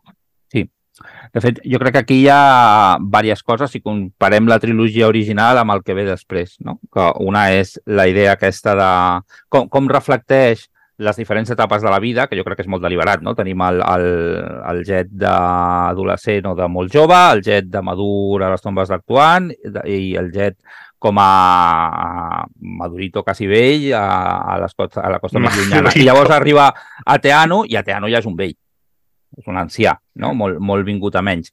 Uh, però llavors també hi ha un canvi de... La, la, I podem discutir si estem d'acord o no amb l'etiqueta, però en principi la pròpia Leguin, la primera trilogia, la concep com a literatura juvenil que jo crec que es pot llegir des del però ella la concep com a literatura juvenil. I Teano clarament no és literatura juvenil. Jo crec que llegir, si tu li dones Teano a un adolescent, a no sé que sigui un adolescent més particular, no li agradarà. Vull dir que no, no apela a, a les vivències d'una persona jove. Apela de forma molt directa al, a la vivència de dones, diguem, sobretot en el context d'aquestes novel·les que fins aleshores, amb l'excepció una miqueta de les tomes de Tuan, és una fantasia masculina, sobretot el primer llibre, i també a, a un tipus de maduresa. Vull dir, és un llibre que ja és adult i, i, i jo crec que els 18 anys que passen des de que escriu La costa més llunyana, que escriu Teano, una miqueta reflecteixen això. A la, a la Leguin amb, amb Terramar se li havia criticat el tema de la falta de feminisme i, de fet, sobte, llegit avui dia uh, un mag de Terramar, és una cosa que sobta realment, el, el, el tractament de la figura femenina, perquè és molt explícit, és molt, sembla molt, molt deliberat, o sigui, és una novel·la que uh, en, en molts sentits és molt masculina i després ho va corregint. I és una cosa que m'agrada molt dels llibres, el, el, dels contes. Els contes, de fet, el que fan és de construir superbé tot el que és Terramar. I les novel·les finals és també. És que jo diria que si hi ha una cosa que defineix a Leguin com a escriptora és que incorpora les crítiques d'una manera sublim, vull dir, a ella la critiquen, allò suposo que en un primer moment no deu ser gaire agradable, no? unes crítiques així, però després ella les, les digereix i les incorpora. És el mateix que passa amb la mà esquerra de la foscor i els contes de després. Mm -hmm. Sí, és com que la fam és humana també a la vegada. És com, com unes, al final Terramar com la saga molt humana, perquè al final veus com l'evolució de la persona, de l'escriptora mateixa, al llarg de, del temps, de tenir una visió com menys, menys deconstruïda amb, amb el primer, i vas veient com a, a mesura que va passant els llibres va deconstruint i va tenir una, una perspectiva molt més feminista de, sí. de, del seu propi món i, de, bueno, i del món que l'envolta el mateix. És, és, és, és una obra en, com a conjunt molt més orgànica, no? Més, més... Mm. No, no és una trilogia o, o una saga escrita per contracte en la qual el que estàs és estructurant una trama. No està estructurant una trama, el que està fent és recuperar unes idees i actualitzar-les contínuament, i això és guai. Mm. I, I és molt menys rígid, és a dir, ella, ella amb el primer llibre no, estableix un món, estableix unes regles eh, dins d'aquest món, però no són regles inamovibles, són regles que doncs, eh, ella les, les fa doncs, variar o les fa fluctuar no, a mesura que escriu perquè encaixin amb ella no amb el món que va escriure quan tenia, no sé, els 60 i pico, quan va escriure el primer llibre, sinó perquè sigui un món que avanci mentre ella avança. i això, això a mi m'agrada molt de la saga. Molt bé. Sí, a més a més ho fa escrivint quan, quan de, de veritat té una, una, una nova cosa a dir, no? Perquè podia haver seguit després de la cosa més llunyana, podia haver seguit mm, bueno, mm, amb, amb relativa Sí. continuïtat i va esperar eh, això molts anys a dir, vale, jo necessito escriure una història que, que m'ajudi a donar una altra mirada a la màgia i al, i al món de Terramar, però no faré qualsevol cosa fins que no tingui clara quina, quina història volia, volia escriure. I per això a mi m'agrada molt que és com, vale, Teano no, no, no, no va sortir de seguida, va, va necessitar el temps de, bueno, això de, de reinterpretar el seu món, bueno, no reinterpretar, simplement, a, a, com hem dit, eh, ampliar-lo.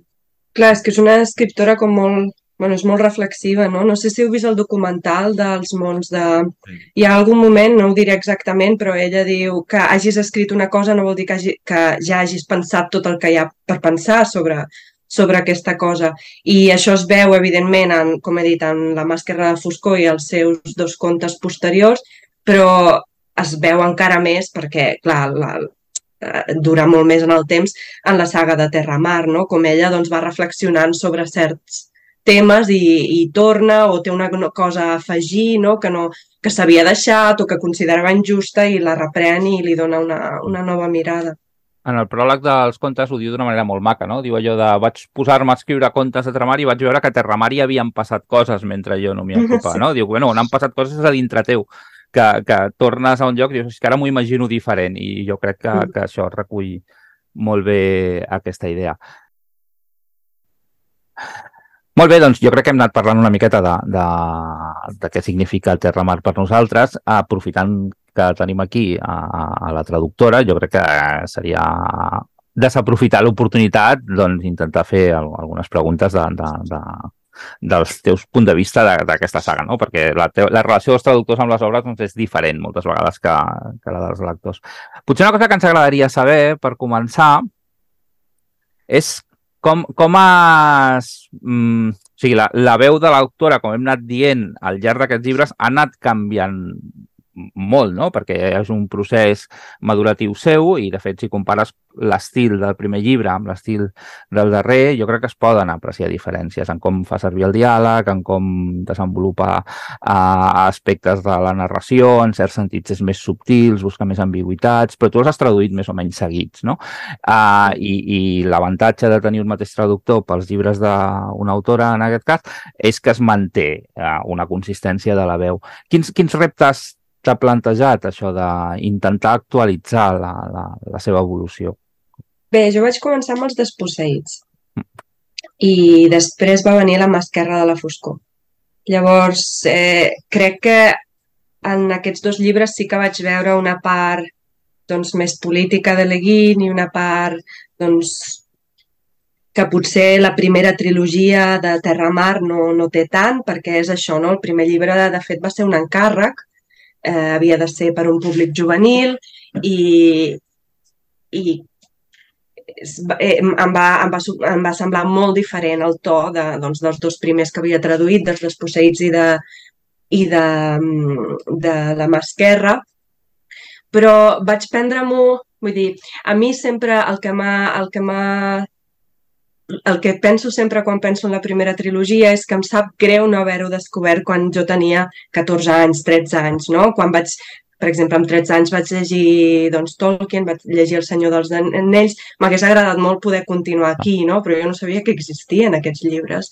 I, i llavors m'ho vaig, doncs, vaig decidir traduir-ho d'aquesta manera, no? Eh, recordant la Blanca de, de llavors, de quan tenia 13-14 anys, no? I, i viure una manera així, no? Com el viatge, eh, sobretot en el segon, no? Aquesta foscor, aquest desconcert, no? De, potser de l'adolescència, doncs intentar recordar allò, no? I, i no veure-ho tant des de la mirada d'adult, de no, que ja et mires el laberint des d'un altre, des altre lloc, no? I veure'l més des de, des de dins, des de, doncs, aquest, fent aquest viatge, no? Doncs primer per anar a buscar l'ombra, després doncs, per intentar doncs, trobar-te tu, trobar coneixement, trobar eines eh, i sortir del laberint i, i així. Ho vaig, ho vaig intentar fer d'aquesta manera i em va agradar molt. Molt bé. Hi ha algun llibre que es fos més difícil que els altres de traduir? Eh, em van semblar molt més difícils els últims tres, en quant a... perquè ella doncs, havia canviat, ja no són eh, doncs, llibres específic, específicament doncs, destinats a un públic més, eh, doncs, més juvenil, incorporen temes més complicats, hi ha més capes i em va semblar doncs, que era més complicat no? traslladar tot això. Mm -hmm. Molt bé. Una cosa que també que, que tu ja has apuntat una miqueta, eh? algunes idees, però que, que ens interessa és la, la, la leguin que fa ciència ficció i la leguin que fa fantasia són leguins una miqueta diferents, tot i que podem trobar molts punts en comú. Um, com, com difereix l'estil com a escriptora quan fa ciència ficció i quan fa fantasia? Eh, a veure, um, és que clar, començar amb els desposseïts jo crec que va ser eh, com una prova de foc diguéssim, perquè hi ha tot aquest ús metalingüístic de la llengua, hi ha tot, vull dir, eh, en la fantasia és molt més tradicional, no? La, la llengua hi és i, i juga un paper molt important perquè, a més a més, és la base de la màgia, però, però és, és un ús molt menys autoreflexiu eh, que, diguéssim, en, potser en els desposseïts i fins i tot en la mà esquerra de la foscor, no? tot i que després te la va criticar per fer servir el pronom masculí i tot això, però jo també crec que és un, un ús molt conscient també el que em fa el que fa a, a, la, a, la mà esquerra, a la mà esquerra de la foscor. Eh, no tant en altres llibres, per exemple, ara ha sortit el món de Rocanon, que és doncs, dels, del primer i, i veiem que, que aquesta doncs, consciència no? és, és, és menor, està aprenent, està evolucionant.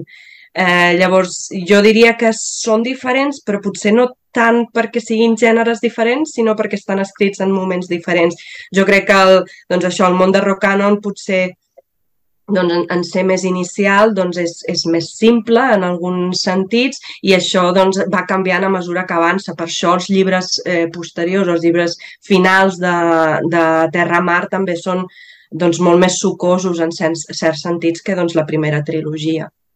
Però no sé, no sé, no, no sé si ho dividiria tant per gèneres.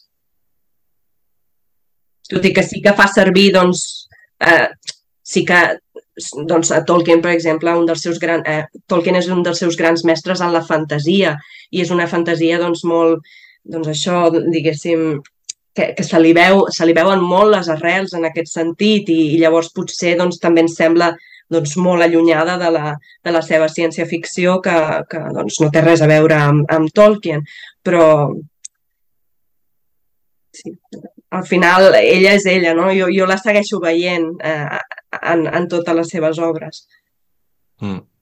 I volia preguntar-te sobre això que has dit de, de l'ús del llenguatge, que, que deies que els desposseïts, però també la màscara de la foscor és eh, una mica més, eh, més intensiu, però a mi em sembla curiós, eh, clar, jo no, no soc traductor, clar, a Terramar eh, els noms de les coses, els noms propis, vull dir, de les coses, són jocs de paraules moltes vegades, o, o, o, fa, o fa servir noms de persones i de, i de llocs que tenen a veure amb la naturalesa. Traduir això al català, com ha sigut? No sé, jo eh, dic, eh, o sigui, quan m'ho pregunten i, i en realitat per mi no és una... O sigui, si, si hi ha un joc de paraules o si el, el nom té un significat, jo el tradueixo perquè l'ha de tenir també en català, no? O sigui, jo no em plantejo no traduir-ho. Eh, sé que això es fa a vegades, sobretot en, fa anys, no? I en, en, en, per exemple, tenim l'exemple de Harry Potter en castellà, on no es traduïen doncs, moltes coses i en català sí que es va, es va traduir.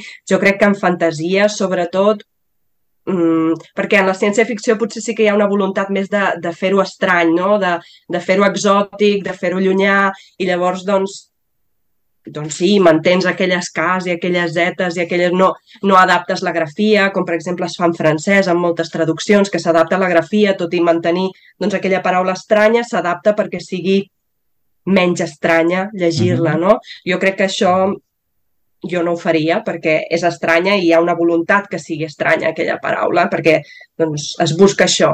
En la ciència, en la fantasia crec que aquest no és l'objectiu i, per tant, si, per exemple, en ter a Terramar, on l'Eguin dona doncs, noms a les persones de, de, de fulles, d'arbres, d'animals, doncs és perquè està estan, estan curant la persona, l'ésser humà, en aquest món natural, no? Està dient és que no som diferents d'un arbre, d'una un, planta, d'un animal.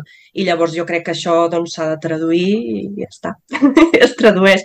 I a vegades doncs, implica una mica més de feina, perquè hi ha, si hi ha un joc de paraules, doncs a mi m'agrada doncs, que quedi natural també el joc de paraules a la traducció, no?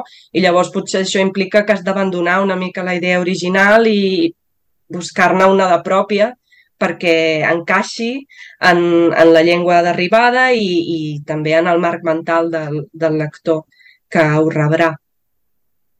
No, jo més que una pregunta volia fer un comentari. Lo típic que es diu. no, que com a, bueno, com a jo traductor i corrector valoro molt la feina de la Blanca perquè aconsegueix agafar molt l'estil, molt, aquest estil tan fluid de la Leguin i però a vegades com alié, poètic, perquè a vegades és, és molt estrany aquest estil de la Leguin, i, i ho porta com molt a, amb un llenguatge molt, molt col·loquial català, però molt, i que, que juga molt amb, també amb recuperar paraules, però que, que queden molt bé a, a com estan fetes, perquè ho vaig comparar. També la traducció en castellà és molt bona, i en català també, que de la, la, la traducció de la Matilde Horn en castellà, sí. i, i en català també també aconsegueix molt bé agafar aquest... Fins i tot hi ha paraules molt que a vegades són, són dialectals, però que amb aquest món de fantasia uh mhm. -huh. queden molt bé. I això se crec que li dona un valor afegit a, a poder llegir la traducció a, en català. Sí, jo crec que es pot desdibuixar una mica, diguéssim, les, les, els límits tan estrictes que tenim, doncs, en, diguéssim, en una novel·la doncs, més realista o més... Eh, que llavors tot el que és dialectal, tot el que és, doncs, està més, és més niche, diguéssim, no? És més aquest personatge perquè és d'allà i és... I en canvi, doncs, en un món de fantasia, si tu ja acceptes certes coses, en pots acceptar d'altres, no? I, i sí, em, em sembla que... Bé, no sé, ho intento, espero que quedi bé. Queda molt bé, queda molt bé. tant, sí. Sí, sí. El, en el cas de la ciència ficció, no, crec que era els desposseïts, és conegut, ho heu parlat a vegades a xarxes, el cas de l'ansible és responible, no? Amb la fantasia no, no t'has trobat casos com aquests que hagis de forçar una mica la màquina per reflectir un concepte. No, bé, el, el que va passar amb, amb el responible és que no es va, no s'havia traduït en castellà, no? I, a més a més, no hi havia gaire referències sobre sobre això, o sigui, en, en, en anglès tampoc no hi havia gaire debat d'on venia la paraula, d'on... Eh, en una tarda de veure entrevistes a l'Eguin intensivament, vaig veure en algun lloc que ella, que aquella paraula venia, venia doncs això de, de, de answer, answerable i que l'havia doncs manipulat una miqueta, no? I, jo, i llavors a partir d'aquí vaig dir, bueno, doncs si té sentit, evidentment s'ha de traduir. O sigui, el problema, o el problema era que Ansible tenia certa tradició, també fora de, de l'univers Leguin i que en altres traduccions s'havia mantingut eh, ja fora de, de les obres de Leguin. Eh, però vam pensar, bé, aquesta novel·la no ha sigut traduïda mai al català, llavors vull sí, fem-ho com si fos un, no sé, com, comencem de zero. Vull mm -hmm. dir, què faríem si tot això doncs, no tingués una història darrere, si no hagués influenciat altres escriptors, si això no s'hagués eh, doncs, no traduït en altres, en altres llibres i vam dir, doncs, sí, clarament ho traduiríem, per tant, doncs, ja està traduint. I va ser així. I... I, I ara una pregunta que, que us faig a tots. Com creieu que... Tinc curiositat perquè just els estic acabant de llegir ara. Com, com modifica la lectura dels contes la, la percepció del conjunt de Terra-Mar? O com la complementa, potser seria millor pregunta. Bueno, uh, puc començar jo. A mi són les que més m'agraden uh, per diverses raons. Primera, perquè són més curts com, com a relats, i, i donen aquesta visió molt més polièdrica del món, que a mi és el que més m'interessa, perquè és veritat que les trames de les novel·les són més simbòliques que, que diguem-ne, una trama que diguis emocionant, on passen moltes coses, són més de personatges, molt més de, de, de, de simbolisme, i en aquest sentit els contes de Terramar et dona aquest simbolisme, aquests personatges i aquest món de Terramar, però en, crec que són sis, cinc o sis, no, no me'n recordo ara quants, cinc. Um, I a més a més, com són relats ja dels anys 90, perquè a més a més, uh, si no recordo malament, Blanca, tu m'ho pots dir, hi han dos contes de Terramar a, la, a, la, Mm. a les eh, Ah, 12 sí. direccions del vent. I, I jo, clar, també els he llegit i, i veus la diferència entre els contes primers, que és Sí. com la, la, bueno, pues la, la, la, la, la llavor de, de Terramar, i aquests últims que per mi tenen una càrrega emotiva molt més gran on els personatges clarament t'arriben molt, molt més al, al cor. Eh, a mi, per exemple, ja, ja ho he dit abans i ara ho vull reafirmar, a Rosa Fosca i, i Diamante per mi un final, un final que és terrorisme emocional perquè és impossible no plorar després de conèixer la, la, la història tan maca d'aquests dos personatges, veure aquest final, aquest epíleg de la seva història, de, de, si no recordo malament, de la, des de la mirada de la mare, um, per mi això, això és únic en, en aquest univers de Terramar. Sí.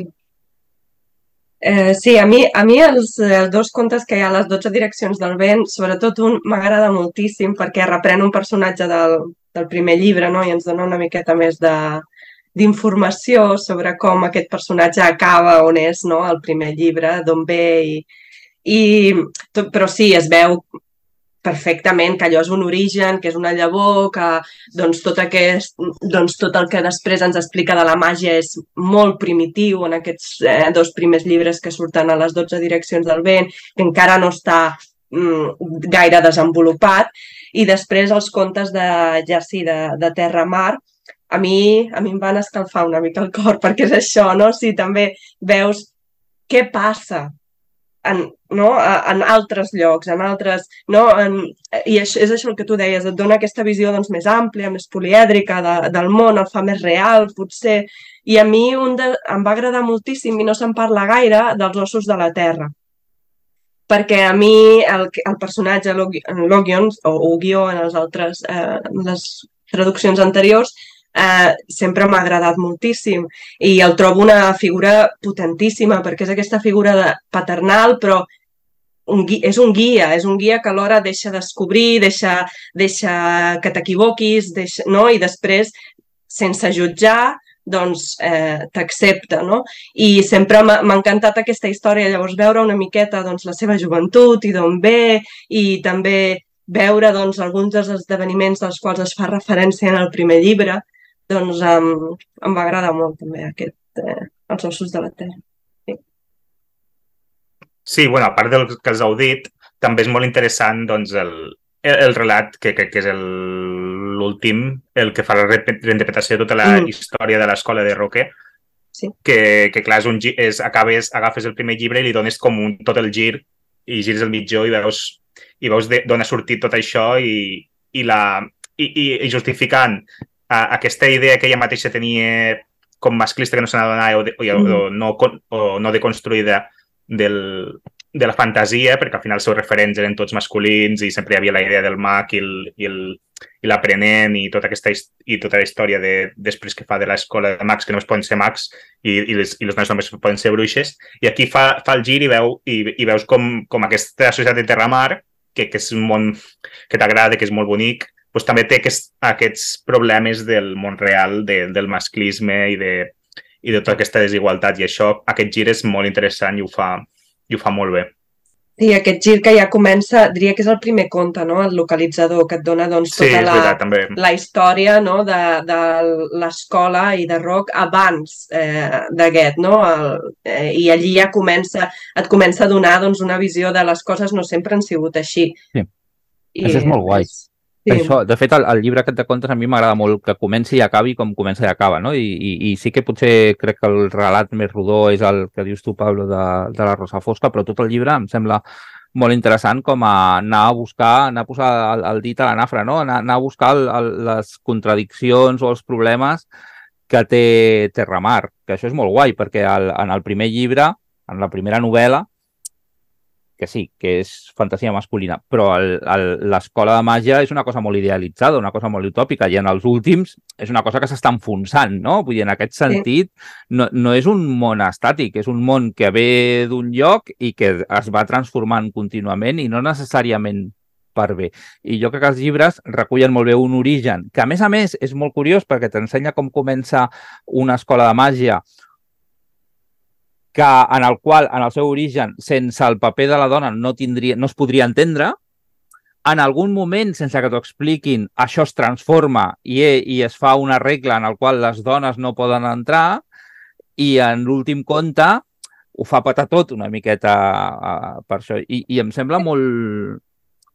Com, com, a obra, com, com a obra resum del que significa tot Terramar, em sembla un, un llibre brutal. Vull dir, abans de... Fora de, fora de la càmera, fora del micro, dèiem que abans que et connectessis, Blanca, que una miqueta es podria llegir com una novel·la, el llibre de contes, com Mm. una novel·la Sí, sí. que va evolucionant. I és molt xulo. I és- el... Digues, digues. No, que dic que és molt valent fer això, no? Perquè suposo que, vull dir, ella va crear no, aquest món i aquesta escola i, i suposo que se l'estima, no? I després, doncs, destruir-lo de- d'aquesta manera, Sí. no? I, i, I marcar allà on, on ella es va equivocar, no? I no intentar protegir-ho ni justificar-ho, sinó fer-ho evolucionar i, i tirar-ho a terra per doncs, reconstruir-ho d'una manera doncs, que sigui més... que casi més amb com ella ha, ha Mm. evolucionat, a mi em sembla molt, molt valent. És que és, és molt interessant perquè mostra una autora que no es posa a la defensiva amb les crítiques, sinó que diu, bueno, vaig a escoltar, potser tenen raó, potser altres coses no, però sí que veus clarament que, que ella escolta, no? De dir, escolta les seves crítiques i diu, pues això potser les meves crítiques tenen raó i en comptes de, de dir el que has dit, no, de dir, bueno, pues, eh, jo continuo amb el meu món tal com ho he creat i segueixo amb aquesta, en aquesta direcció, ella no, ella diu, bueno, pues anem a, anem a reconfigurar una mica les coses però que tingui sentit, no? En, des de l'inici fins al final. Sí, sí. Bueno, això, és- això és interessant perquè moltes vegades jo crec que trobes autors i autores que, que el que fan és uh, donar respostes, no? Dir-te, mira, jo he après això, i ella el que està fent és explorar preguntes, i, bueno, quan Mm. explores preguntes, Mm. explores dubtes, no? I ho fa des del dubte, i, i això a mi m'agrada, vull dir, perquè es corregeix a si mateixa, i, i crec que, que fa que tinguin... Et dona espai per pensar a tu també. Tu et pots posicionar sense necessitat d'enfrontar-te al que t'està dient en, en, en oposició. No, és, no estic d'acord, Mm. és a veure, a veure què està plantejant i, i, és, i és xulo.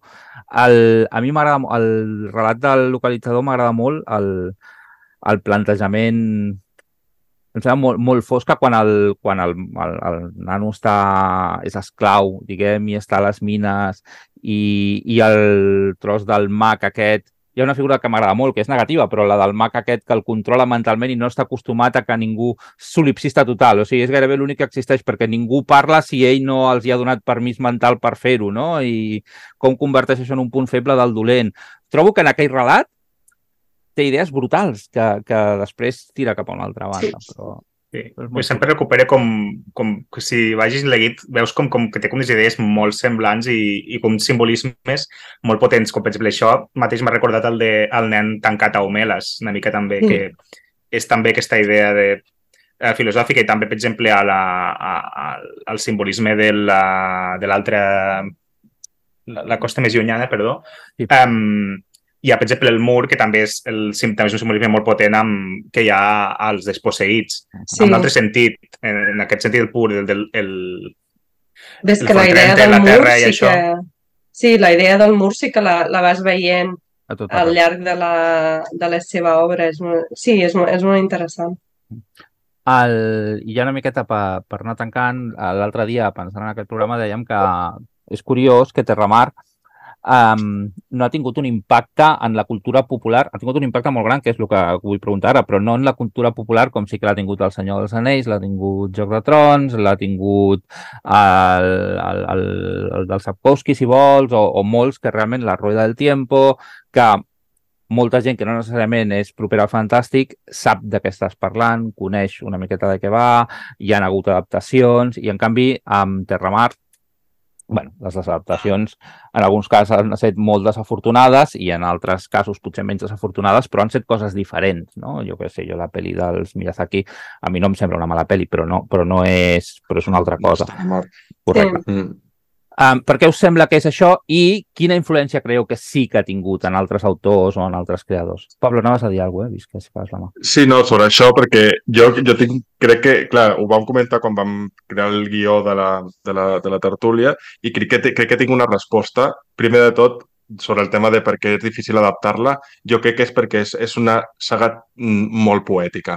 O sigui, on dèiem que les trames no són molt complexes, no hi ha una trama d'ambició i poder o de, o de lluites contra el, del bé i el mal, tot i que el bé i el mal sí que té alguna presència a Terramar, però, però clar, les trames no són un espectacle que la, que la televisió es pugui, Mhm. es pugui, o a la televisió o al cinema, eh, m'és igual, eh, traslladar tan fàcilment, perquè clar, a, a, a l'audiovisual tu no tens una veu en off de, de narrador que, que t'està descrivint el món com ho fa la Leguin i ho fa també la Leguin. Llavors jo crec que això és un hàndicap que, que ha fet que costi molt fer adaptacions, com va haver una adaptació de, de sèrie eh, anglesa, crec que, que bueno, no he vist Sí, ningú vaig intentar veure-la. Sí, jo també ho vaig intentar.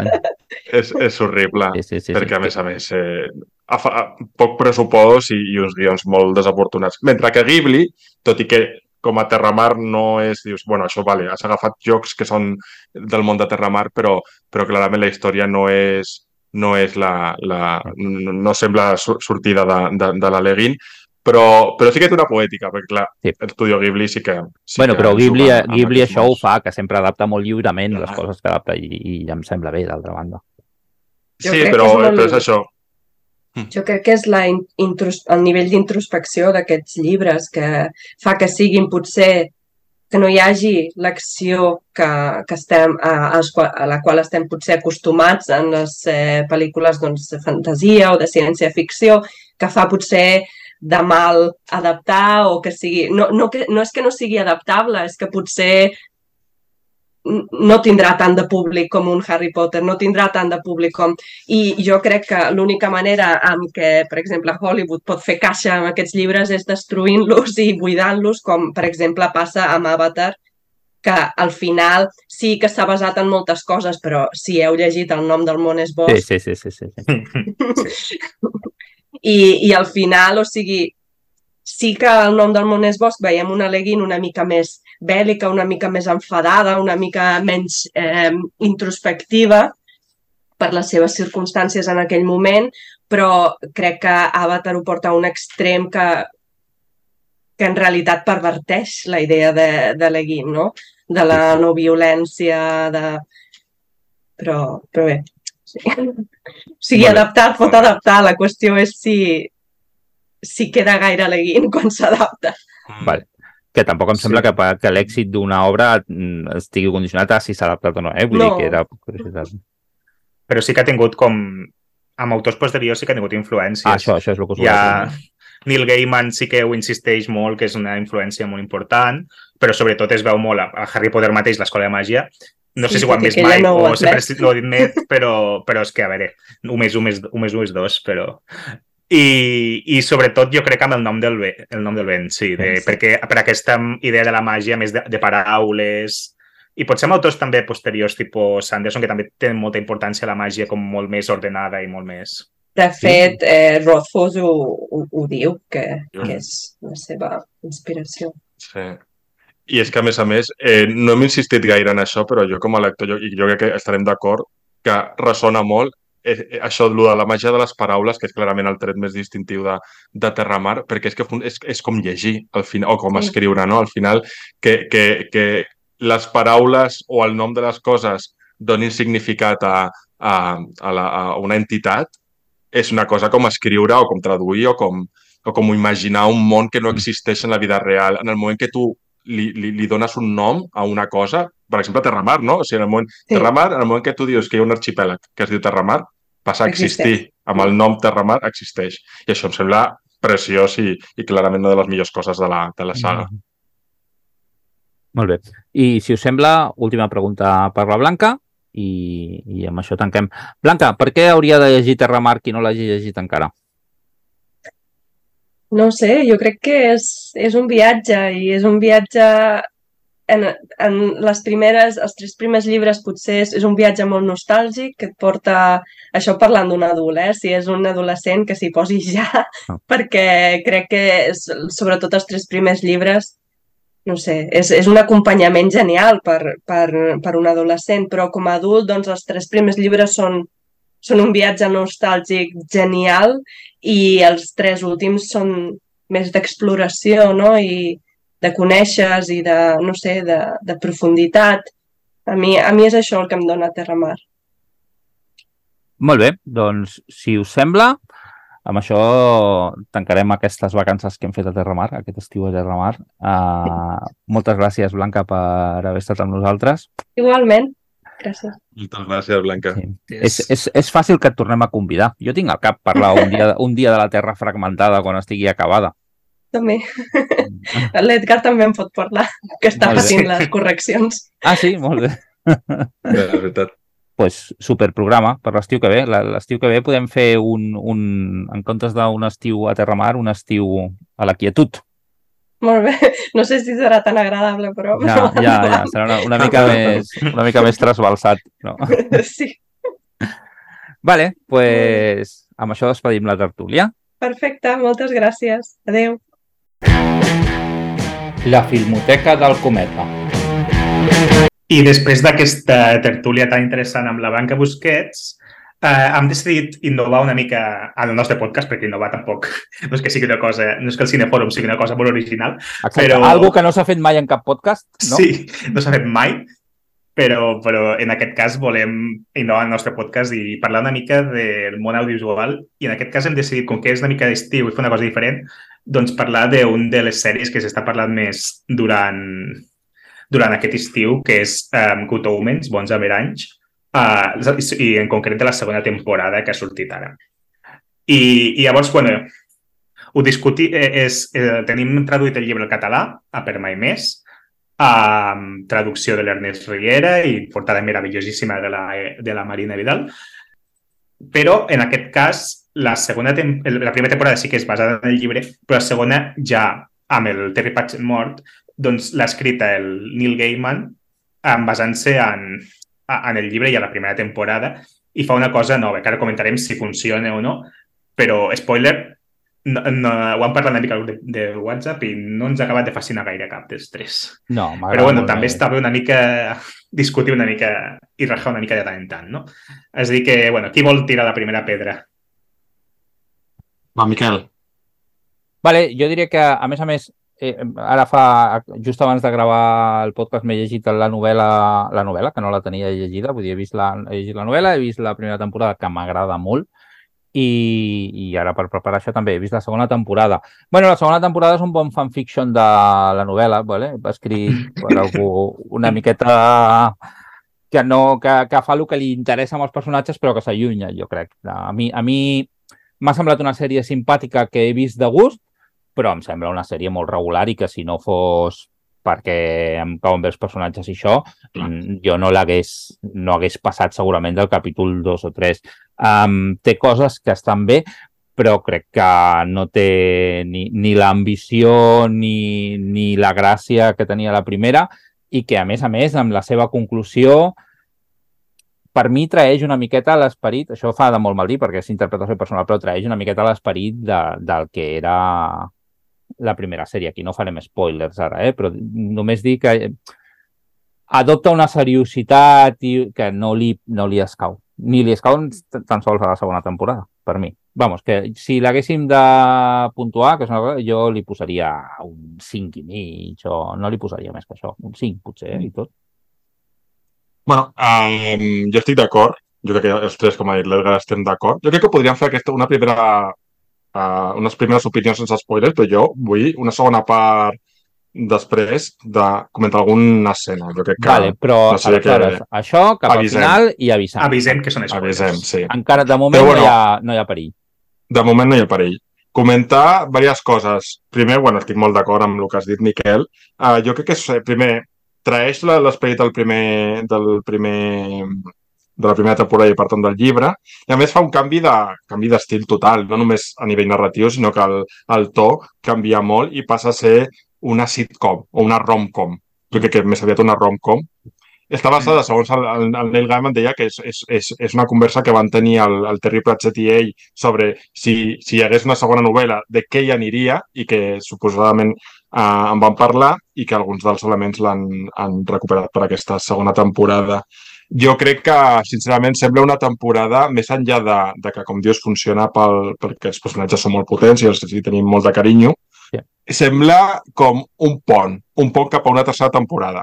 Sí. Si després de veure el final i veus clarament cap a on vol anar la, la, la trama i llavors el, bueno, pues el, el, l'element que serveix com a, com a, com a MacGuffin de la novel·la, del, de la sèrie, perdó, acaba sent un bluff, que és la història que ja comentarem després amb spoilers, del, del Gabriel, de l'arcàngel eh, Gabriel, Um, I bueno, la resolució a mi em va semblar directament, bueno, de, com molt deixada, molt de, de, de, de no sé, de, de no haver decidit donar-li una profunditat al personatge més enllà d'una cosa resultona. Sí, efectista, necessàriament efectista, sí, que és una cosa que s'havia evitat fins ara, no... Sí, jo m'he mirat les dues temporades, m'he volgut mirar tota la primera, no m'ha agradat tant la primera com la primera cop que la vaig veure, també ho he de dir. Mm, m'ha cansat una mica més perquè potser em sabia el que passava i tot. Té, la seva, té, té la seva gràcia i tot, i, i, però a la segona, jo quan he arribat a la segona i portar dos o tres capítols ja està exhaust, era com, buah, no hauria d'haver ja la primera també, perquè eh, perquè era com que se repetien, es veies com repeties alguns patrons, però mal fets, no? Com, perquè hi ha com patrons que fan, que tiren al passat i fan com, expliquen històries així dels personatges, que una, hi ha una part que se'n va a Edimburg o, o no sé ben bé a, que, ta, que també, et diré, també et diré que és el millor de la sèrie, eh? de la segona temporada, el, els inserts aquests. Els flashbacks, sí. sí. Sí, sí, sí, però... Alguns millors, que... alguns millors que d'altres, eh? Sí, també sí, sí, eh? totalment Sí, com que veus que estan una mica forçats, perquè després el, el McGuffin aquest, el, mm, del final que ja parlarem, um, no, estan, no, no justifica tot això, perquè pues, subventile després molt, molt... A tot això, tot el viatge que hem fet, um, al prim, últim capítol subventile i dius, pues, per què m'has explicat tota la història d'aquests? Simplement, és, és com que la història està bé, però, però no acabes de veure el, uh, com un, el rumb ben... Veus que fa trampes. La, és que estan considerats, la sèrie es considera com, els hi deia minisodis, minisods, vull dir, és com si tinguessin entitat pròpia uh -huh. i estiguessin sí. incrustats allà. Per què? Perquè sí, perquè algú hem de fer per omplir. Perquè té poca història. És que té poca història la temporada. Sí. És que sí, el problema no, per mi és aquest. El problema per mi és que, que com la trama del present no dona, no dona suficient xitxa per omplir sis episodis, també entenc que volien fer-ho per donar-li als... Perquè, clar, els personatges tenen, un, o sigui, tenen una, una relació molt complexa al, al, a Sir Rafael i, i Crowley, uh, que, bueno, pues que dona de sí, no? Perquè, clar, es coneixen de fa molts mil·lennis i és veritat que és molt interessant perquè hi ha molta química entre ells. Coneixen des del principi de la creació, vull dir, són, no hi ha ningú que es conegui. Sí, sí, sí. sí. I els actors ho fan meravellosament bé. El I els actors són increïbles. I aquí també, i en, aquí, en aquesta temporada segueixen sent molt bons els sí, actors. Sí, els, ho saben una mica els actors. Mm. El problema és que... I el problema també és que, bueno, pues que el Neil Gaiman és conscient de, de, bueno, de, l'interès que desperta els personatges protagonistes i, com dius, Miquel, és que hi ha un punt de fanfiction de, de donar-li a, a un cert públic molt, molt fan el que volien. Exactament sentit... el que volien, és que és exactament el... És, és que a Twitter, a Twitter s'ha vist molt, eh? Tot, he vist diversos tuits de gent que he acabat al final plorant, eh, el, el, com, que, com el que passa el típic fenomen fan, no? Has vist molt fenomen fan mm. que ho veus una mica de distància i dius, hòstia, pues a mi no m'ha acabat, m'ha fet, m'ha sigut trampes aquest final.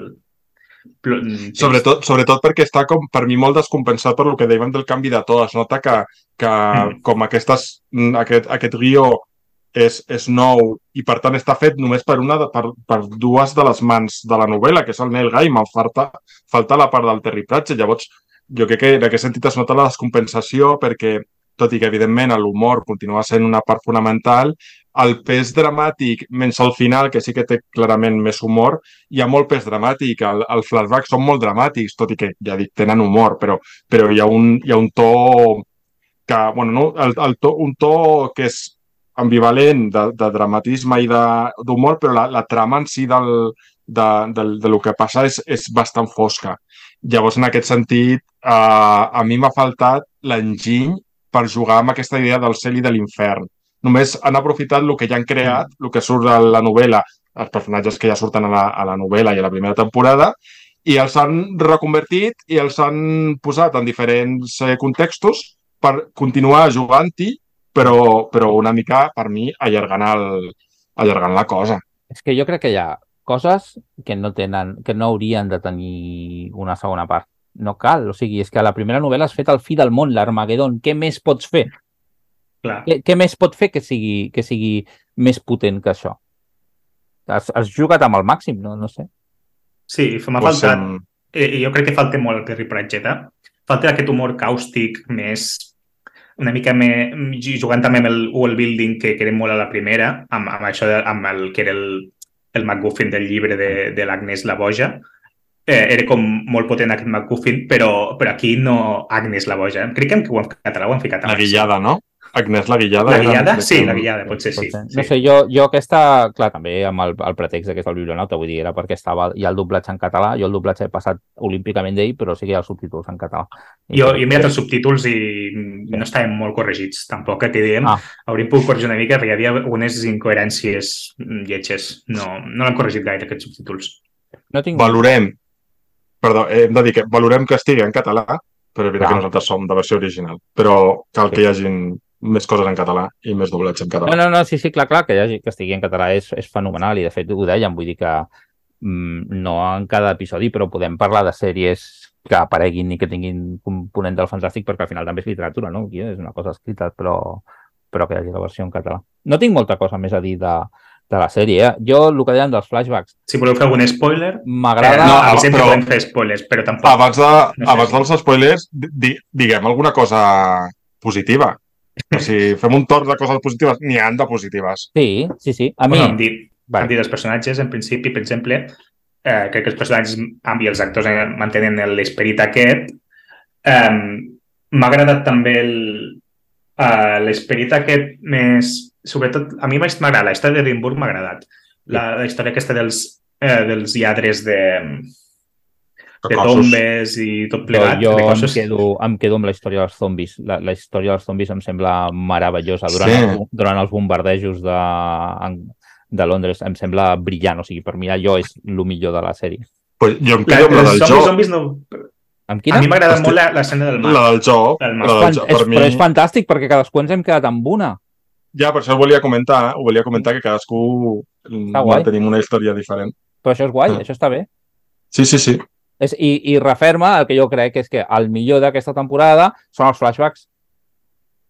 El Bueno, passa és que a cadascú- mi... Clar, però a mi m'ha agradat el del joc, però, per exemple, el d'Edimburg, de profanació de tombes, a mi m'ha semblat un rotllo. O sigui, no és que m'hagi agradat un i els altres estan bé. És que m'ha agradat el del joc, el d'Edimburg em sembla un penyazo, i el, de, el dels bombardejos de la Segona Guerra Mundial eh, a Londres està bé. A més, surt Margatis, que sempre Clar, li dona Sí, sí. xitxa. Sempre de calidad la pel·lícula, sí. Miquel, tu què t'ha agradat, a part dels flashbacks? Uh, m'han agradat ells dos, m'han agradat els flashbacks i poca cosa més, eh? No, no m'ha no agradat molt més. A més a més, algunes de les coses que m'han agradat, jo crec que la sèrie sí que en trossos de guions i referències, i hi ha coses que estan tretes de, de la novel·la que a la primera temporada no havien sortit. De fet, jo de la primera temporada no n'estem parlant, però crec que és un d'aquells casos en els quals uh, l'adaptació supera l'original. Jo crec que és millor la primera temporada de Bons Averanys que la novel·la de Bons Averanys. Perquè, perquè, treu, perquè treu la palla i, i, i, i se centra en el, que és, en el que és guai, que és la relació entre ells i com... Però després aquí ho desaprofita. Um, no, no, no puc dir moltes coses més bones. Eh? A mi m'agraden molt ells. Uh, hi ha com una trama secundària Uh, bueno, sí, sí, hi ha una cosa que m'agrada molt. M'a- M'agrada molt la, que es vegi el cel, com és el cel, i la i l'àngel aquesta de baixa categoria que, que fa Ah, de sí, poli. la Muriel. Sí, és simpàtica. La sí. Muriel, aquest personatge m'agrada i trobo que funciona i que sí que li escau el to Sí. I el, el nom a mi em fa molta gràcia perquè Muriel en anglès és un nom molt, molt normal, però té, té aquesta uh, acabant Àngel. com els àngels, Sí. llavors a mi a, a, el- aquesta dissonància m'ha fet gràcia. I a mi el personatge del, del Gabriel, tot i que la resolució no m'agrada, el personatge del Gabriel, diguem, durant bona part de la sèrie, a mi em funciona, a mi m'agrada. Més que és el John Hamm, és que Clar, clar, és que Sí, això, està, això està guai. això està molt bé. I, Però la- quan, i, I aquest Gabriel ha perdut els records és molt simpàtic, també és graciós. Quan, quan va, fa, fa comentaris sempre és, molt- és graciós. De fet, Sí. jo crec que, que el que menys m'agrada és el, la resolució i com i la, i la trama de la trama secundària, diguem, la trama humana, tot lo de la trama humana en el present de les, de les cambreres i això... Bueno, és que és molt infame això, o sigui... És, és, que és, és molt és, igual, és, no, no. no té, és que no té, no té, no té cap rellevància, o sigui, la, la, la relació lèsbica aquesta en, és que està com, com no sé, enganxada sense, sense tenir lligams amb la resta. bueno, serveix, serveix perquè després parlin amb ells i... O sigui, entenc el, el, la, la, la importància que té com a catalitzador en un moment donat, però però no, no em convenç. No sé, em, sem em sembla una sèrie molt desigual, amb elements que no acaben de mm. quadrar mm. i que jo crec que no està... que, és que, que no té... Li falta ambició, no sé, no, és el que deia, vull dir, després venim d'una cosa que és, la, que és superèpica, la primera en realitat té sí. molt humor, el que vulguis, però és molt èpica. I aquesta èpica, èpica en té zero, zero, no en té cap. Mm. Podem entrar en spoilers així de les coses clares vale. Pels que, no, pels que no vulgueu empassar-vos els spoilers, que no heu vist encara la sèrie i això, tampoc és, crec que, bueno, com vulgueu, jo que sé, a mi és que em molesten poc els spoilers, doncs us diem adeu aquí. No sé, si teniu interès en que alguna vegada parlem d'alguna sèrie concreta, que hi hagi alguna versió en català això, digueu i potser us fem cas, potser no, eh? Si ens fa molta mandra de veure de veure perquè si... Ens us demaneu los anilles de poder, ah, els exacte, poder, els, els anells no del poder no la mirarem, vale? No, no, no, ja, això ja vagi per endavant. A partir d'aquí, podeu proposar el que vulgueu. I comencen els spoilers. Cortineta de spoilers. Ara hem de fer una cortineta de spoilers. Sí, clar. Vinga, spoilers. Cortineta de aquesta cortineta de spoilers, ja està. Una musiqueta de... Va, angelical, començo no? Jo, començo jo que tinc moltes coses a rajar al final perquè l'he vist avui, a més, a més a més el tinc com molt fresc. Eh, bueno, primer de tot, em sembla una traïció el, el, el petó de, del Crowley i de la Sierra Fel al final. Em sembla no, una traïció el... l'esperit de la...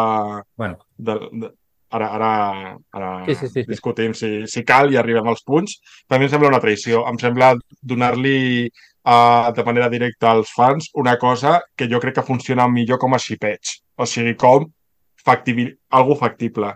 Però en el moment que ho, ho, ho transformes aquesta relació tan especial que tenen els, els personatges, una mica ambivalent, perquè cadascú té un, bueno, una, una moralitat com molt grisa, que és la part interessant, i, i que tenen bueno, pues, xocs i en, o sigui, desencontres, però també bueno, clarament una amistat que està per sobre de tot, convertir-ho de manera un, unic, un, eh, inequívoca perdó, en una, un interès romàntic, a mi em sé que, que, que, que, que, és, que, és, que és molt possible, eh? que jo no negava en cap moment sí, sí, sí, sí. Que, que es pugui desprendre de, de la trama de la novel·la això, però al moment que ho dones tan...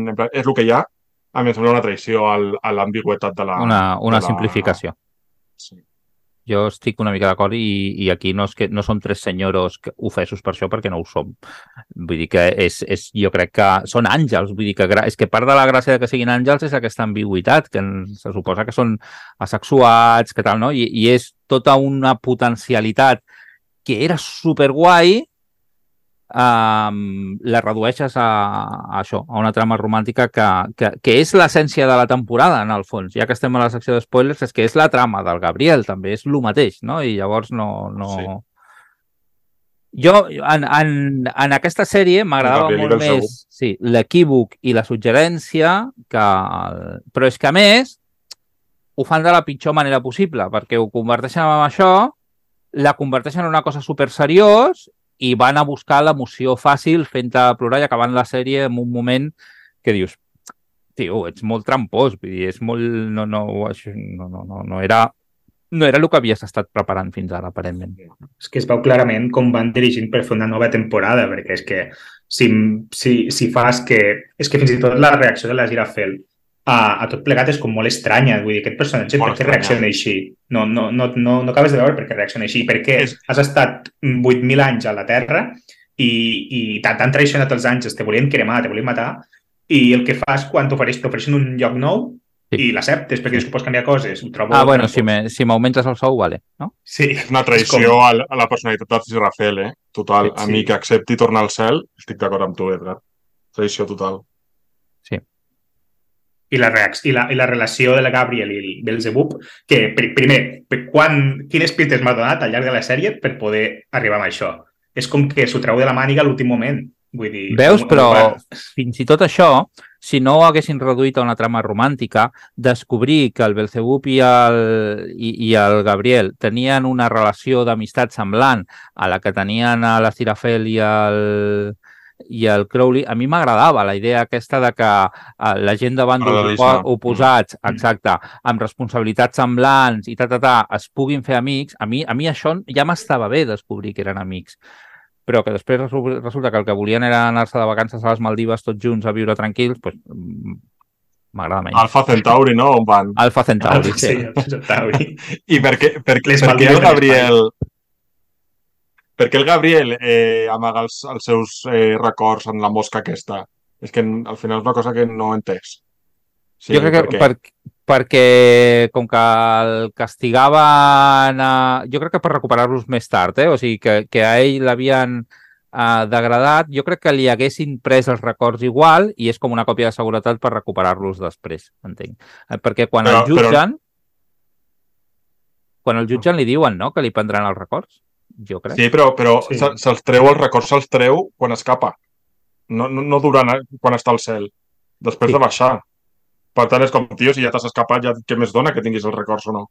Bueno, li cau la caixeta, no? Perquè arriba un moment que la, la caixeta, al cel la troba en la caixa dels Sí. mistos, sí. que li ha Sí, donat. potser ja... Que és la caixa on hi havia la mosca, però per què també tira No. la caixa? És O li cau? ja. No. És on És tenia una el bufa. Això és No. McGuffin ridícul, també. És com si al final era la mosca, no la caixa. La Sí, capsa. bueno, val, d'acord, però, però és una comèdia, vull dir que els McGuffins haurien de funcionar, vull dir, això, jo amb això no tinc tant problema, vull dir, ja, ja assumeixo un cert grau Home, de, de, però una de cosa- dura. Però una cosa és que sigui un McGuffin que eh, el McGuffin pot funcionar narrativament per Clar. desenvolupar una, una trama, als- o sigui, crear una trama pels personatges, que els personatges puguin evolucionar el seu marc, i una altra cosa és crear un McGuffin que, en- que, que sigui directament, que no serveixi per res. O sigui, és com la pistola de, de Chekhov, no? Sí, sí, en plan, sí, sí. si poses un element, encara que sigui un McGuffin, aquest element després ha de tenir un, Ha de un passar. alguna propòsit. Sí, cosa. Mhm, és el que a mi m'ha semblat un engany. Sí, una mica, no sé, és que és una sèrie una mica torpe, no sé, és una mica barruera, no... no... No, no, no soc fan. Sí. Mira, mira que la primera m'ha- m'havia agradat molt, eh? Vull dir, jo estava molt content que fessin... I, i quan vam dir de comentar-la aquí em va fer molta il·lusió perquè vaig pensar, que guai, una sèrie que em ve de gust veure. Sí. I estem tots d'acord, a dir que no és... No és Ja. que som... Bueno, potser Tots t'estàs barallarem. haters, eh? Però... I No, fins i tot... El, Normalment amb el, amb el Miquel eh, no Sí. coincidim moltes vegades, eh? És Amb el veritat. Pablo i jo. Però, per, I per És tant, veritat. eh, que, que coincidim amb el Miquel no passa cada dia. No, no, no, I no, que- no, és veritat. i- Una vegada que tenen raó. Mm. Sí. Però també vull comentar que vull comentar també que jo no estic en contra del salseo, com m'agrada el salseo. O sigui, que hi hagi salseo romàntic, Totalment, totalment. a mi, totalment. a mi a priori m'interessa. El que passa és que Sí. el salseo ha de seguir, o sigui, ser fidel als personatges i, al, i a la construcció del personatge. I jo crec que el, aquí és una traïció. O sigui, no és que no m'agradi que, que sigui un interès romàntic, o sigui, que al final l'interès romàntic sigui la, el, el, el, el nucli de la relació entre els dos protagonistes, sinó que jo crec que el que havia construït abans a la novel·la i la primera temporada no quadra amb aquest desenvolupament de la segona temporada. Però que ho, ho podien haver treballat diferent i hagués Sí. funcionat millor. Jo que sé, una escena final on es donen la mà i es queden agafats a la mà i s'acaba... Jo que sé, d'una manera més tendra, d'una manera més tendra Mm. i amb més humor, I jo, sí, sí, jo, és jo, ho hagués, jo ho hagués acceptat amb molta més facilitat. Vull dir que no és perquè estiguin Però no és humor. Jo, jo era... Clar, jo estava super a fa... i de fet estic super a favor de que estiguin enamorats, em sembla Sí. sí. superbé. Però, Però crec que la sèrie manera. ho treballa malament. Crec que ho treballa malament. Clar. Ho I restava. Ja, ja, i a més ho fa- lo fàcil. Per Sí. lo fàcil està fet. Mm. I ho fa, o sigui, amb un dramatisme que genera riure al final, perquè al final, no sé si us en recordeu, però hi ha com les pantalles eh, es divideixen i Sí, tens un primer sí. plano del, del Crowley amb el cotxe amb cara De mala trista sí, sí. I, el, i el, la Sirrafel pujant l'ascensor cap al cel amb també cara de tristesa, en plan, però, però que això no era, no era humor, això? O sigui, al final, aquesta intensitat també Jo el canvi, de, el canvi de to crec que no li senta bé. Però bueno, no sé, eh, deixeu els vostres comentaris. Igual a la gent li ha encantat, no sé. Jo, amb, amb la gent que he parlat que a priori pensava això els agradarà, tampoc els ha agradat. Vull dir que no, no sé... Mm. No sé quina Jo no la- parlat amb ningú, però he vist a Twitter, crec que, si no recordo malament, a la Tati i a la Inés Sí, eh, dient que, que sí, que a favor i que tinc moltes ganes de com seguirà amb la tercera temporada d'aquesta relació. jo... Les L'hauríem d'haver portat al podcast que discutíssim, Clar, perquè hi hagués una mica més de discussió. Però bueno. Um, Doncs, doncs jo ja la la- acomiadar. opinions Sí. personals, no opinions del biblionauta. Vull dir que aquí és el que ens hem trobat. Aquí cadascú la seva opinió. No, doncs no ja sé, podem acomiadar el podcast, no? Ja, jo crec que no. no teniu tenim- més comentaris, no? I cosa, spoilers, ni ja hem fet prou spoilers. Doncs bé, ara espero que a tots us hagi agradat aquesta secció de Cinefòrum. Si en teniu ganes, doncs ens ho comenteu. I, i això, que si depèn de què el digueu, ho comentarem o no. També el, fem el que vulguem nosaltres. Però bueno, escoltem les vostres, les Bueno, però, vostres però si recomanacions. els hi ha agradat, si els ha agradat i, i, és això, i hi ha algunes alt- altres obres audiovisuals, siguin pel·lícules o, o sèries que, que en vulguin que comentem, estem a, oberts a, a obrir el ventall de seccions de, Sí. diguem, de més enllà d'aquest especial. Sí. De, A mi, a mi el podcast m'agrada que sobretot sigui de llibres i còmics, però de tant en tant podem parlar d'alguna en sèrie. tant. I, I, a més a més, l'experiència diu que normalment no estarem d'acord tots tres. Llavors, normalment serem el Pablo i l'Edgar contra mi i, i això sempre, sempre té la seva gràcia. De cara a la tertúlia. Ja passa al nostre grup de WhatsApp, ja hi ha ganivets, doncs podrien ser en directe. No en Sí. directe, però gravats. Sí, sí, sí. Sí, a vegades Aquí fem semblen, podcast de podcast al club de WhatsApp. aquí I semblen diem, molt... no, no discutim tant al grup que, que després, si no, al, a la tertúlia no, no, ja no tinc res a comentar. Aquí semblen Eh, no- molt no bons, eh? al- Aquí al semblen WhatsApp. molt bons aquests dos, però tenen molt mala llet, eh? Que quedi clar. Bueno, hi ha confiança. La mala llet ben equilibrada està bé. Jo soc més de, cola, de Colacao, però vale. Uh, molt bé, doncs aquí despedim el programa, que és un programa d'estiu una miqueta més animadet, no? Una Distès. miqueta més diferent, distès, Mm. sí. Mes que Adéu! ve, que vagi bé. Esperant el cometa és una iniciativa de l'Associació Cultural El Biblionauta, una entitat sense ànim de lucre dedicada a la divulgació de la literatura de ciència-ficció i fantasia en llengua catalana. Si us agrada el que fem i ens voleu ajudar, us en podeu fer mecenes al biblionauta.com. Moltes gràcies i us esperem al següent episodi d'Esperant el cometa.